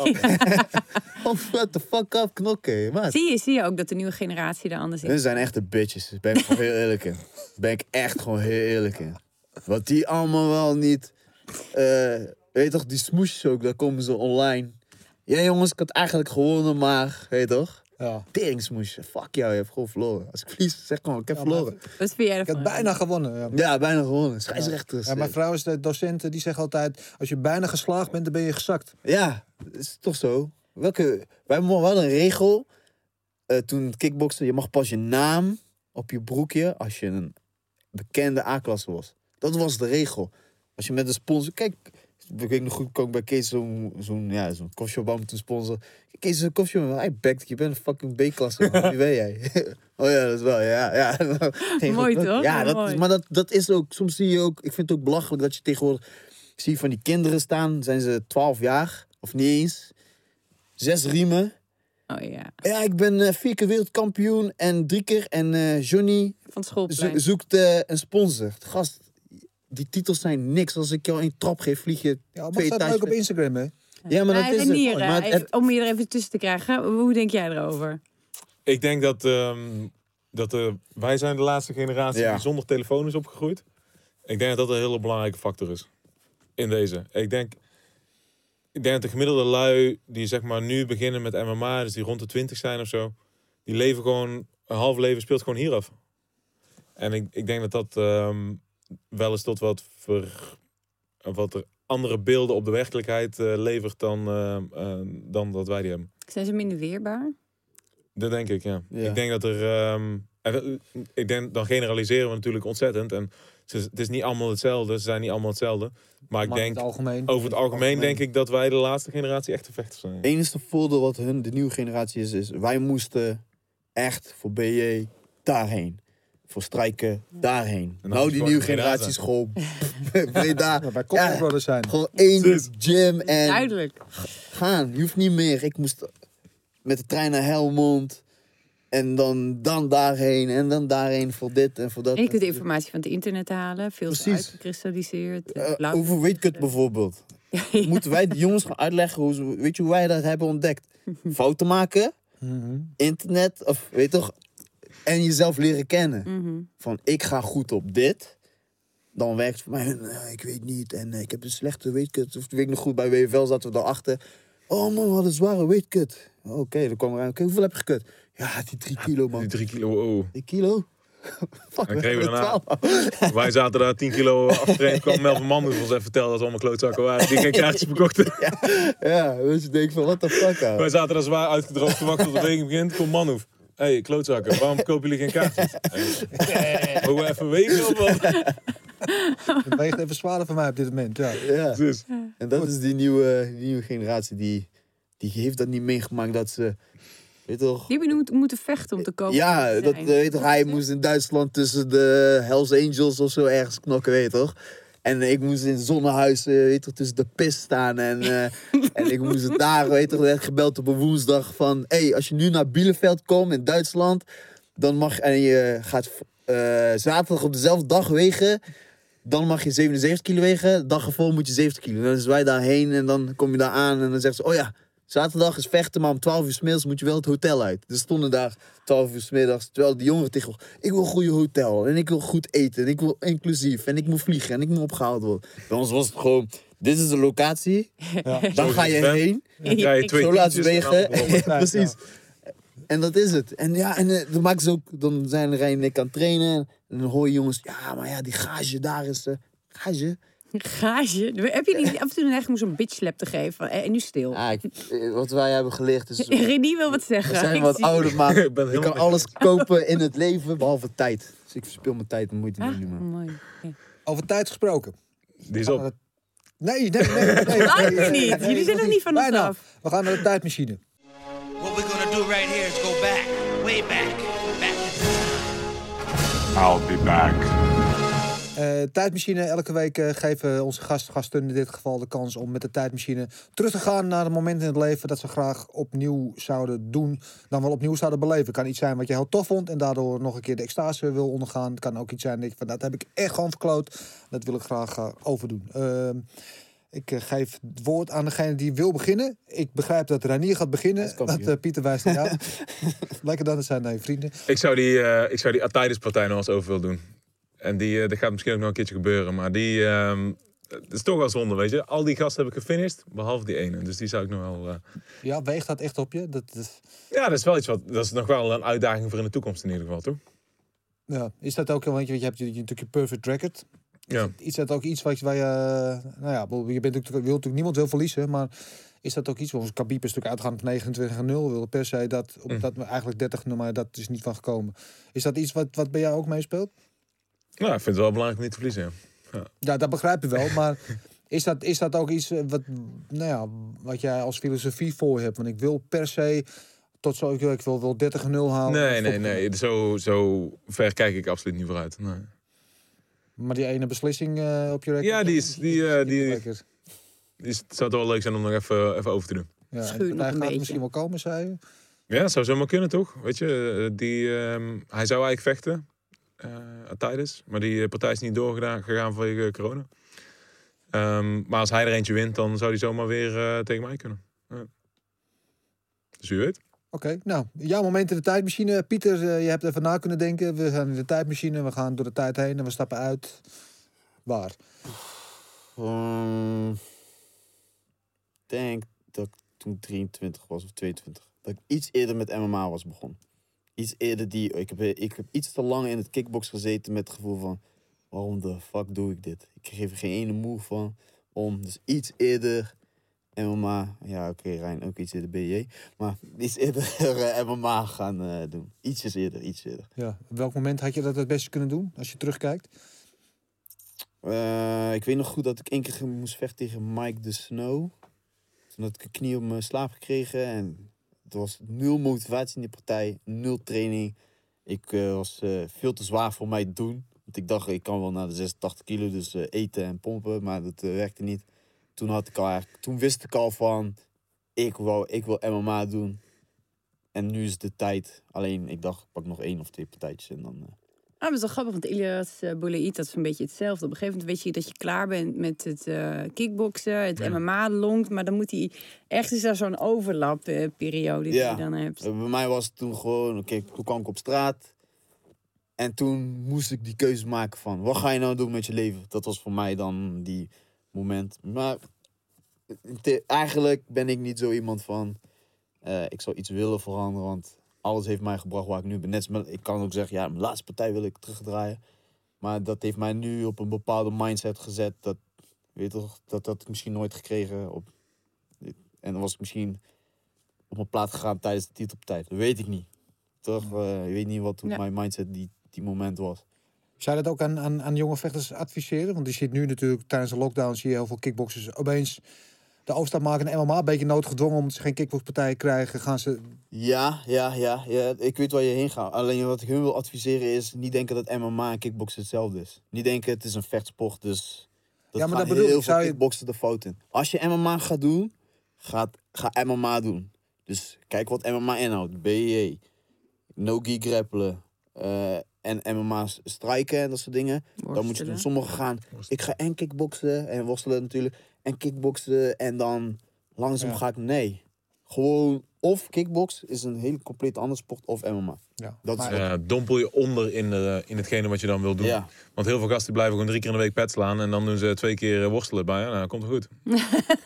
Dat Nee, maar dat, maar dat is natuurlijk nog een beetje het oude ding. Want vroeger, eh, MMA of Free Fight, wat het nog daarvoor is, was gewoon een worstelaar tegen een kickboxer. En we gaan wel kijken wie er Precies, bovenop Ja. dat is nou niet meer. Ze kunnen alles. dat is over. En als iemand goed kan worstelen, dan gaat je strijken. Ook al ben je een glory vechter, gaat je strijken gewoon naar een...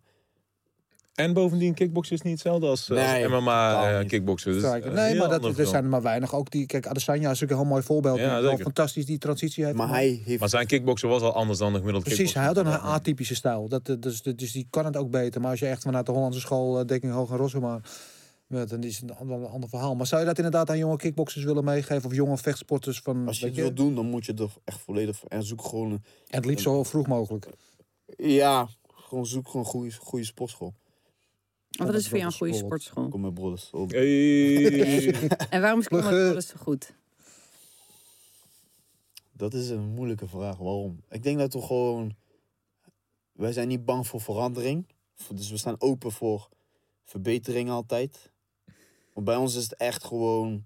eh, net als hij was dan kampioen, komen terug. diezelfde week waren we stonden we weer op de mat. Alsof er niks aan de hand was. Maar wat is een goede sportschool voor kinderen, waar, waar eh, kids, jonge pubers, whatever? Wanneer weten ze dat ze een goede gym binnenstappen? Jullie kunnen, ja, Ja, ik, ik denk zeker ehm, wat een hele goede, goede graadmeter is. Als je de eerste keer de mat opstakt om, om te boksen of te kickboksen, is dat je niet in elkaar gestompt wordt. Dat mensen. Eh, en, en dat ik denk, ik denk dat dat nog steeds bij heel veel kickbo kickboxscholen zo is. De eerste keer dat je mat opstapt, dan krijg je een pak slaag. Ja, nieuw vlees in de kamer. Ja, ja, ja. ja. Ehm, ook. en daar moet je niet zijn. Dat is, dat is gewoon, dat is het niet. Oké, en wat nog meer? Ehm, mensen die zelf iets bereikt hebben. Die zelf ooit ergens gestaan hebben. Ik denk dat dat ook een hele grote factor is. Eh, want iedereen kan, ehm, kan zeggen hoe je jab, cross en hoek moet geven en wat dan ook. Maar als je nooit ervaren hebt of nooit iemand gecoacht hebt eh, op dat niveau eh, wat, wat je pupil wil bereiken, dan ehm, denk ik dat, dat, ehm, dat je echt iets mist. Dat je, dat je iemand iets niet kan bieden wat ze wel nodig hebben. En sfeer? Zeker. Zeker. Ja. Het moet echt gewoon een familie zijn. Maar dat is ook een stukje ehm, wat past bij dat, weet je wel. Als de sfeer goed is, dan, dan mag ik hopen dat je niet in elkaar geslagen wordt de eerste keer dat je Ja. binnenkomt. Ja, maar sfeer is natuurlijk heel eh, subjectief. Dat is natuurlijk, de ene voelt zich ergens anders wel op zijn plek en de ander weer toch. Ja. Dat ligt ook een beetje aan wat bij jou past. Eh, ik wil het even hebben aan, over aankomend weekend. Eh UFC Fight Night, het enige grote evenement wat op de agenda staat. Eh, Curtis Blades tegen Derek Lewis. Partij die volgens mij al eh, 27 keer is uitgesteld om allerlei redenen. Die had vorig jaar al ergens zullen gebeuren. Eh, evenementen die afgelast werden, corona-dingen, blessures, eh, weet niet wat allemaal gebeurd is. Maar gaat nu eigenlijk gebeuren. Nummer 2 tegen nummer 3 in de heavyweight divisie. Ja, Curtis Blades vind ik wel heel... eh, Ik heb het idee dat hij wat, wat eh, atletisch is en de ander heeft meer power. Ja. Ja. Ja. Dat dat het grote verhaal is. Ja, hoe, ik wil wel van jullie horen hoe jullie erover denken. Ik weet niet zoveel vanaf. Die uh, Blades is een worstelaar volgens mij. Blades, ja. En die andere is van zijn maar bals Ja, maar ja, ja. Juist, kijk. Ja. Nou, dat, is- dat is eigenlijk de samenvatting van de partij. Ja, nee, ja, dat, nou, en jij, Ja, Pieter? Curtis dat is eigenlijk wel precies hoe het zit. Ja, Ja, op Ja. papier moet Curtis winnen. Maar...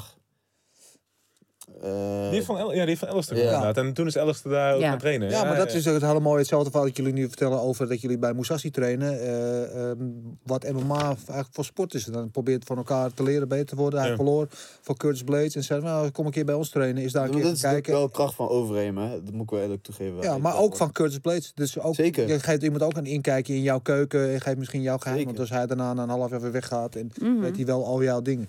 Dus eh, ik, ik vind dat wel heel mooi. Ik vond dat ook een hele moedige stap toen de tijd van Alistair. Ja, maar Alistair kan heel kritisch naar zichzelf kijken.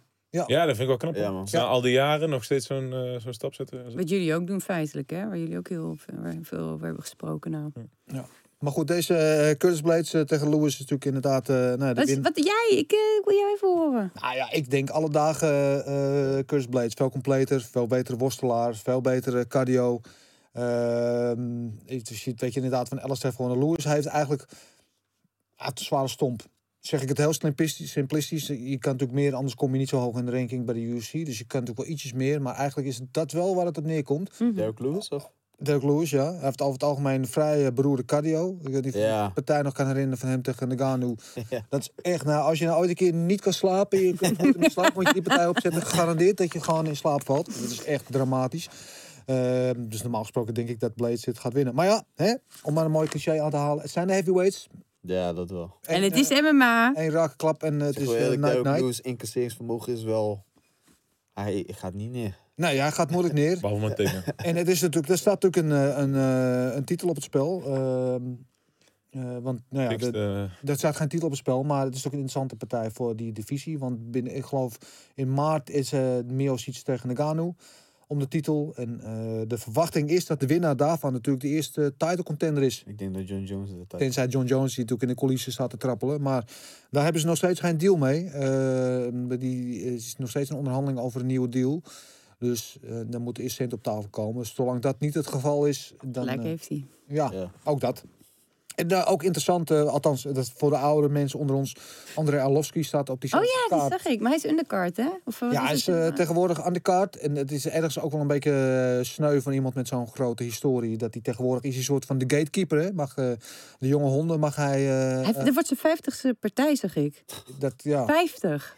Ja. En die jongen die had er iets van, ik ben 16, 13 bij dus de, de, Tom Espinol is de, de, de, de, Britse nieuwe zwaargewicht hoop. Eh, maar Arlovski was natuurlijk altijd een beetje fading. In zijn laatste twee partijen heeft hij zich toch een beetje weten te heruitvinden. Ik blijf fan van hem. Ja, ik vind het ook eh geweldig, eh geweldig gozer. Maar ik vind dan wel, ja, als je dan nu al inderdaad op de undercard, aan de kaart van de gatekeeper bent voor de nieuwe jongens, dan mag je jezelf afvragen van...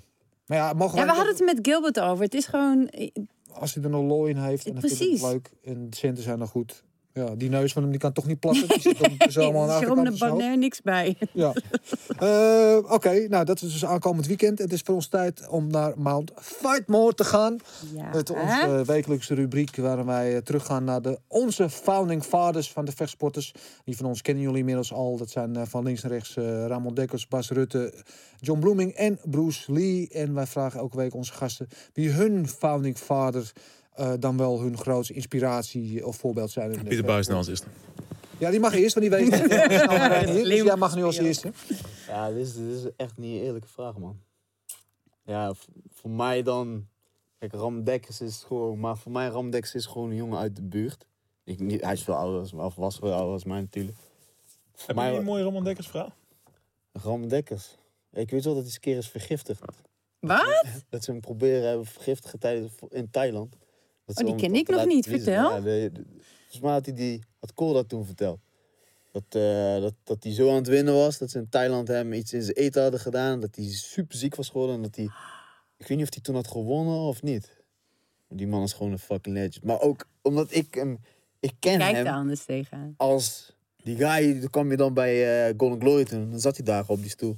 Goedemorgen. Hij was niet zo, hé, hey, alles goed. Hij was gewoon chille guy. En als je, je zag gewoon niet aan hem dat hij fucking gruwelijk, maar Als je nu nog video's kijkt van Ramon Dekkers eh, kickboksen, is nog, nog steeds gewoon fucking gruwelijk.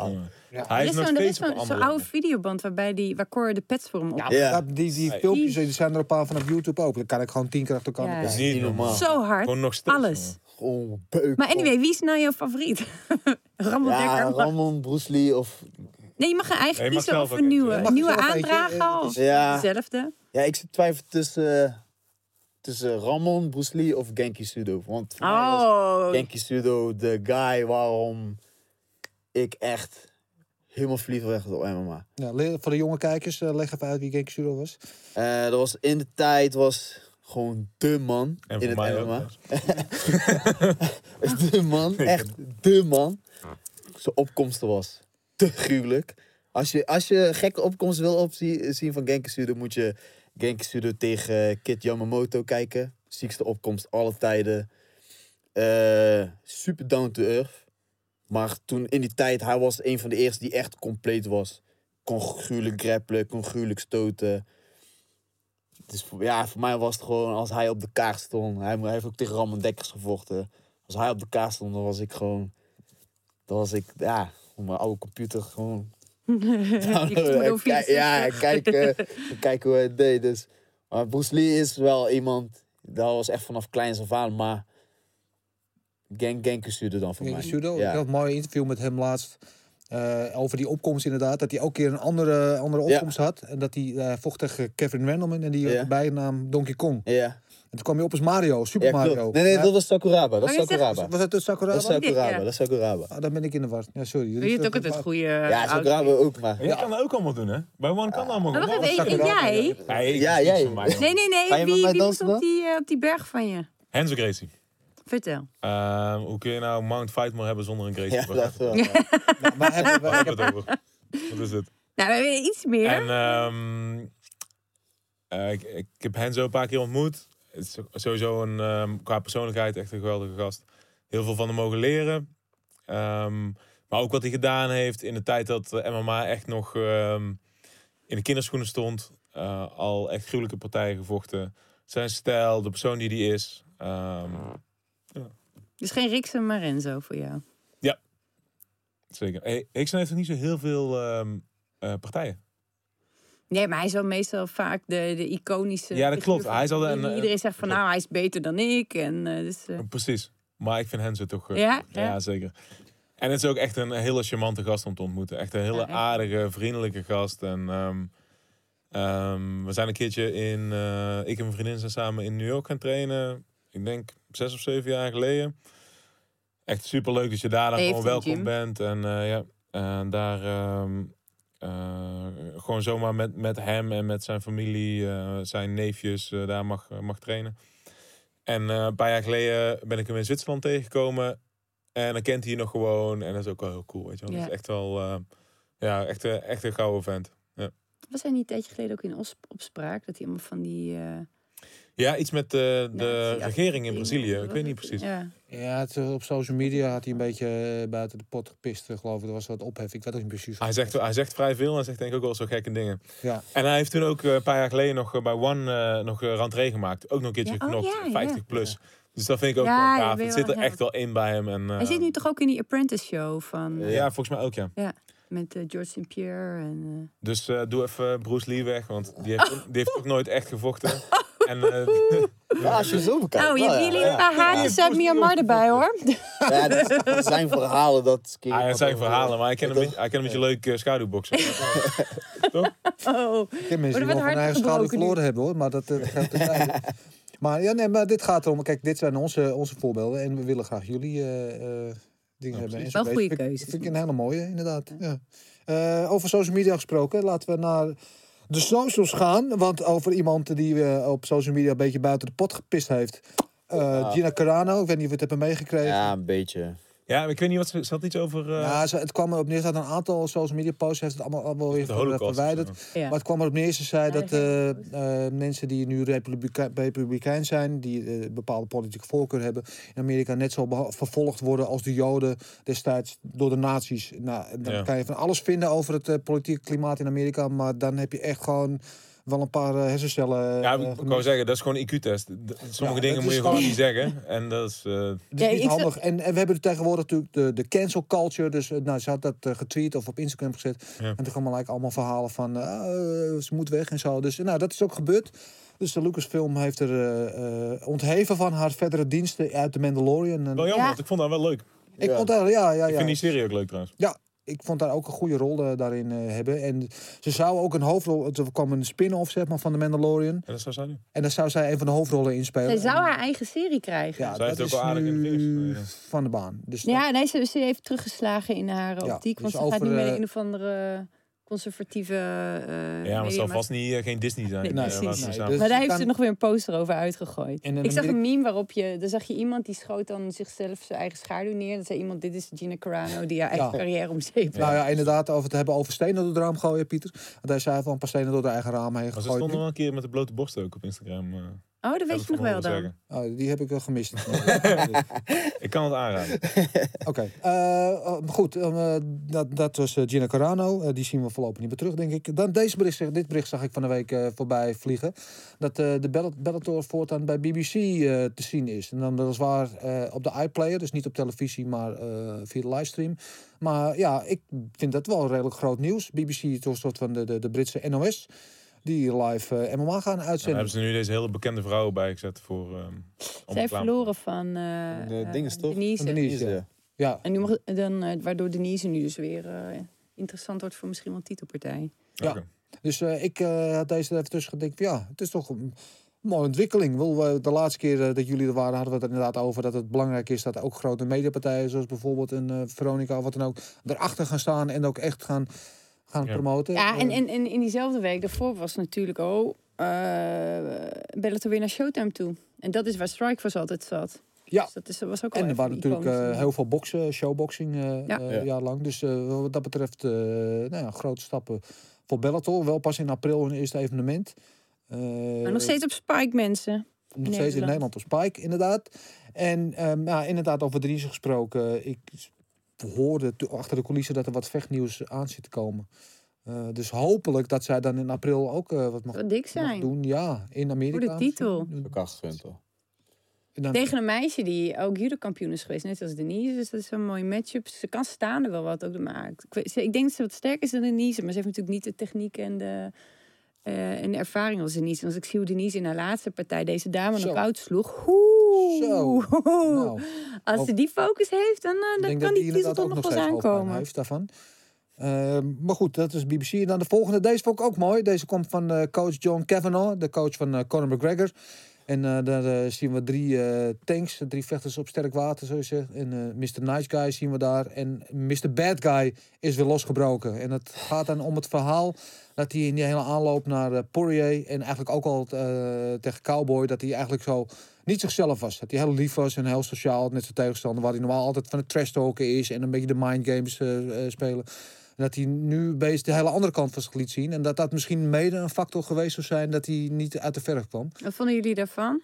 Laat zien dat dat zijn game is. Sorry. Laat zien, zijn game is, is zodra je het contract met Conor tekent, is net als Floyd, begint hij in je hoofd te zitten.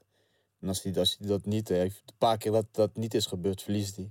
Van een Nou, Nick Diaz ook, en zo. ja, hij heeft gewoon alles waar hij goed in was, heeft hij laten gaan. Ja, Ja. Wat hem uniek maakte was dat in-uit bewegen, die frontkicks, die spinning kicks. En die gruwelijke linkerhand die erachteraan zat. En wat enige wat hij nu nog heeft, is die linkshand. De rest is hij helemaal vergeten. Ja. Dus eh, wie, wie is het nog? Dat is toch gewoon... is toch goed geweest? Hij heeft alles gedaan. Hij heeft al het geld eh, wat hij ooit wilde verdienen, heeft hij verdiend. Hij is er toch? Het is toch genoeg geweest? Stop ermee.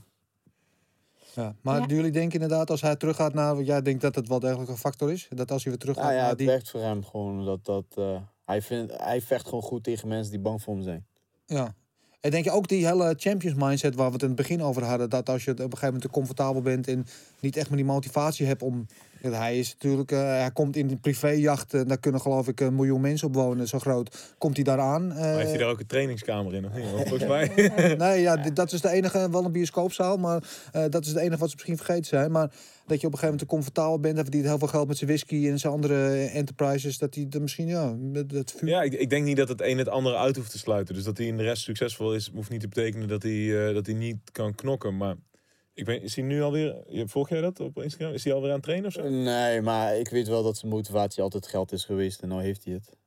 Zie je Nou, ik- Vechten, ja, hè? maar dit is hetzelfde zoals met Gegger. Die altijd zegt, "Eh, ik hou helemaal niet van trainen. Ondertussen, hij heeft alles en hij vecht nog steeds. Weet je, hij kan niet van Hij houdt wel van trainen, jongen. Hij houdt Nee, van- van ve- ja, maar dat bedoel ik. En ik denk ook dat hij het hart zo'n ontzettende martial artist is. En mijn theorie erover is dat hij die, ehm, eh, nou, die mental game die hij daarmee pleegt, dat is ook een soort van harnas tegenover de wereld. Want er komt zoveel op hem af. Ja, En dat is hetzelfde waarom ik denk dat vechters ook een stukje eh, egoïsme in zich moeten hebben. Want dat beschermt je tegen de wereld die er maar allemaal uitchipt. En dat is je beschermlaag.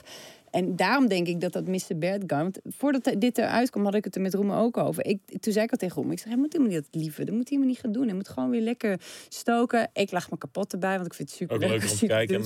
Nou, misschien ook weer een beetje gewoon terug naar de basis. Ik denk aan Rocky 3, hè. Rocky eh, helemaal eh, volgevreten in de modernste trainings. eh, dingen alleen maar bezig met foto's met fans maken. En dan verliest hij van eh B.A. Baracus, die, eh, van eh, Mr. T, die eh, wel eh, Spartaans aan het trainen is. Misschien moet hij dat gevoel weer een beetje terugkrijgen. Ja. Ik denk, en, hij moet ook gewoon technisch terug naar wat hij Ja, deed. man. Dat, wat hem gevaarlijk maakt, heeft hij helemaal laten, laten gaan. nou, ik vond vooral zijn eh, commentaar achteraf dat hij totaal verrast was door die, door die leg kicks. Dat hij niet wist. Dat, dat was ik echt een beetje Maar weet, je- weet je dat het ook was? Hoe kan je nou... Ja, maar misschien wel net zoals met jou. Dat, dat je gewoon even gewoon eh, een reality check moet hebben. Ja, ik- bij hem heb ik altijd het gevoel gehad van of hij wordt de nieuwe UFC-president. Of hij is eh, zo loaded dat hij niet meer hoeft. Ja. Want zijn motivatie was altijd geld. Het, is altijd, ging altijd Ja. geld, geld, geld, Maar geld. hij heeft zoveel geld dat hij niet Nu meer... heeft hij veel geld. Maar dat is bij... Daarom heb ik voor mezelf nooit echt een doel gehad. Gewoon knokken. En... Want ik weet op een gegeven moment... Weet je, de, pak je zo'n eh Tyson Fury. Zijn doel was Klitschko. Klitschko verslagen. Komt in een depressie. Dus zijn doel was geld. En je ziet ook aan hem. Is- hij is rustiger geworden. Hij heeft niet, en het is niet zozeer omdat hij kinderen heeft nou, hè. Maar hij is chiller. Nou ja, Kijk, Cerrone was bang voor hem. Zag je Ja. gewoon. Dus Poirier was de eerste ronde bang voor hem. Tweede ronde kwam hij zoiets van, weet je wat? Ik ga alles of niets. En het heeft voor hem gewerkt. Dat is bij Conor. Als je bang voor hem bent, Ja. loop, loop je, loopt hij over je heen. Ben je niet bang voor hem, dan, eh, dan pak je hem. Ja, en moet hij niet gewoon ook vaker vechten? Want nu was het een jaar geleden, daarvoor geloof ik 15 Tuurlijk. maanden geleden. Daar zit iedereen mee op het moment met eh, corona. Ja. Nou, hij heeft wel de kans gehad om vaker te vechten, dat weet ik zeker. Maar dat is weer een kwestie van geld. Waarom zou je? Weet je, ik weet niet wat die whiskybedrijf nou bewaard is, maar... Weet je, en welke sponsorsdeals dat hij allemaal wel niet Maar- heeft. Maar dat, het is niet, geld is natuurlijk niet de enige motivatie. Ja, misschien bij hem, maar zoals je zegt. Maar. Ja, maar ik denk dat mensen dat geld vaak ook denken dat het hun motivatie is. Ja. En dat ze eigenlijk gewoon een hele diepe liefde voor de martial arts hebben. Ja, en daarom Ja, laat hij niet los. Ik, Dat is ik hoop denk. het. Ik hoop het voor hem dat dat zo is. Alleen je hebt ook vechters die, die zoiets hebben van ja, ik heb niks Ik geef wel een pak slagen. hoor. Ja. Eh, maar goed, dat is eh, eh, deze dan de laatste sowieso van deze week. Eh, onder het motto eh, beter goed gepikt dan slecht gestolen. Zagen we deze tip van jou, Hey. Marloes, op de website van One Championship. Mount Rushmore. Op 12 Dus martial februari arts. Ja, dat is afgelopen week. Dus ik wil straks na de uitzending van jullie eventjes eh, e-mailadres van de contactpersoon bij One Championship. Ga ik daar even een factuur heen sturen. dat kan natuurlijk niet. Nou hoor, ik eh, vind het alleen maar leuk als zij ook, als ze naar ons kijken. Ja, en, eh, daarom. dus daar, we ervan uitgaan dat, dat het niet geen toeval was. dat ons volgen, Dennis. Ja, dus vind, ik wel dat jij dan een plekje op zijn Mount Rushmore moet hebben. Want dat is Minimaal. inspiratie voor dit onderdeel. Goed. Eh, Hij gaat eh, tegen wie vechten? Tegen... Die Braziliaanse... Oh ja, ja. ja, dat is... eh, Ik vind dat hij, eh, april, dat hij toch? best wel moeilijk heeft bij hoor. Hij, die laatste paar partijen. Ja. Die gasten zijn be- betere strijkers dan hij. Hij wint het op worstelen steeds. Ja. Maar qua kickboksen heeft hij het niet zo makkelijk als ik zou denken. nee, Deze guy waar hij nou tegen moet, gaat hij moeilijk, echt moeilijk mee krijgen. dus, dus hetzelfde evenement waar jij ook vecht, toch? Waar je, Precies, Mm, precies. Nee. Oh, jij bent, je bent echt een Heel slim. Heel Doe slim. je al. nou, nog, ik denk aan, aan het einde van de uitzending gewoon nog even proberen. En even Zit langer dan een dag in het vak. Dus. Eh, Oké, nou, dan eh, gaan we het daarmee afsluiten. Wil ik zeggen, eh, jongens, bedankt. Ik heb weer genoten van dit gesprek. eh, We van jullie input. jullie. Hey, hey. Oh ja, we hebben nog vergeten ons eh, pencil se- se- sensei momentje. Kijk, dat dan vergeten. Daar gaan we mee afsluiten. Kijk, Super vet.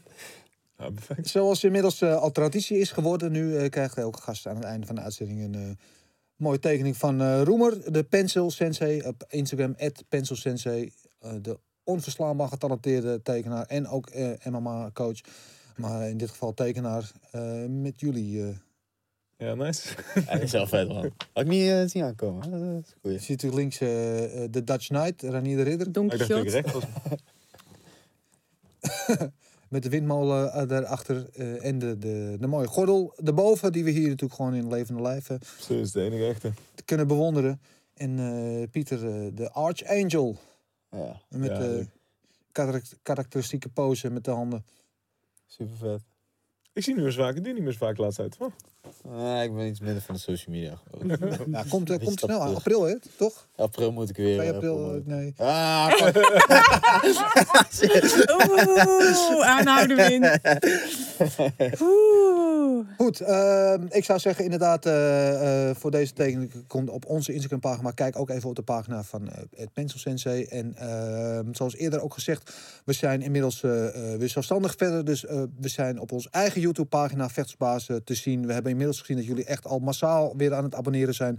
Dat is hartverwarmend, maar het moet meer. Dus alsjeblieft, eh, blijf je abonneren, blijf het delen, blijf het liken en blijf het vooral verder vertellen aan iedereen die je maar kent. En eh, de, de kat van je kapper en eh, de buurman en je zuster. En dan komt het allemaal goed. En dan zou ik zeggen, jongens, eh, succes. Jij in april en jij hopelijk ook snel. Hopelijk ook april gewoon. Ja, hopelijk ook april. We gaan het op de voet volgen. En eh, wie weet, eh, hopelijk zien we jullie nog een keer hier terug. Mollis, dankjewel. Jij ook? Ja, zie jou volgende week weer. 100 procent. Jullie bedankt weer voor het kijken. Tot de volgende keer. Is. Goed.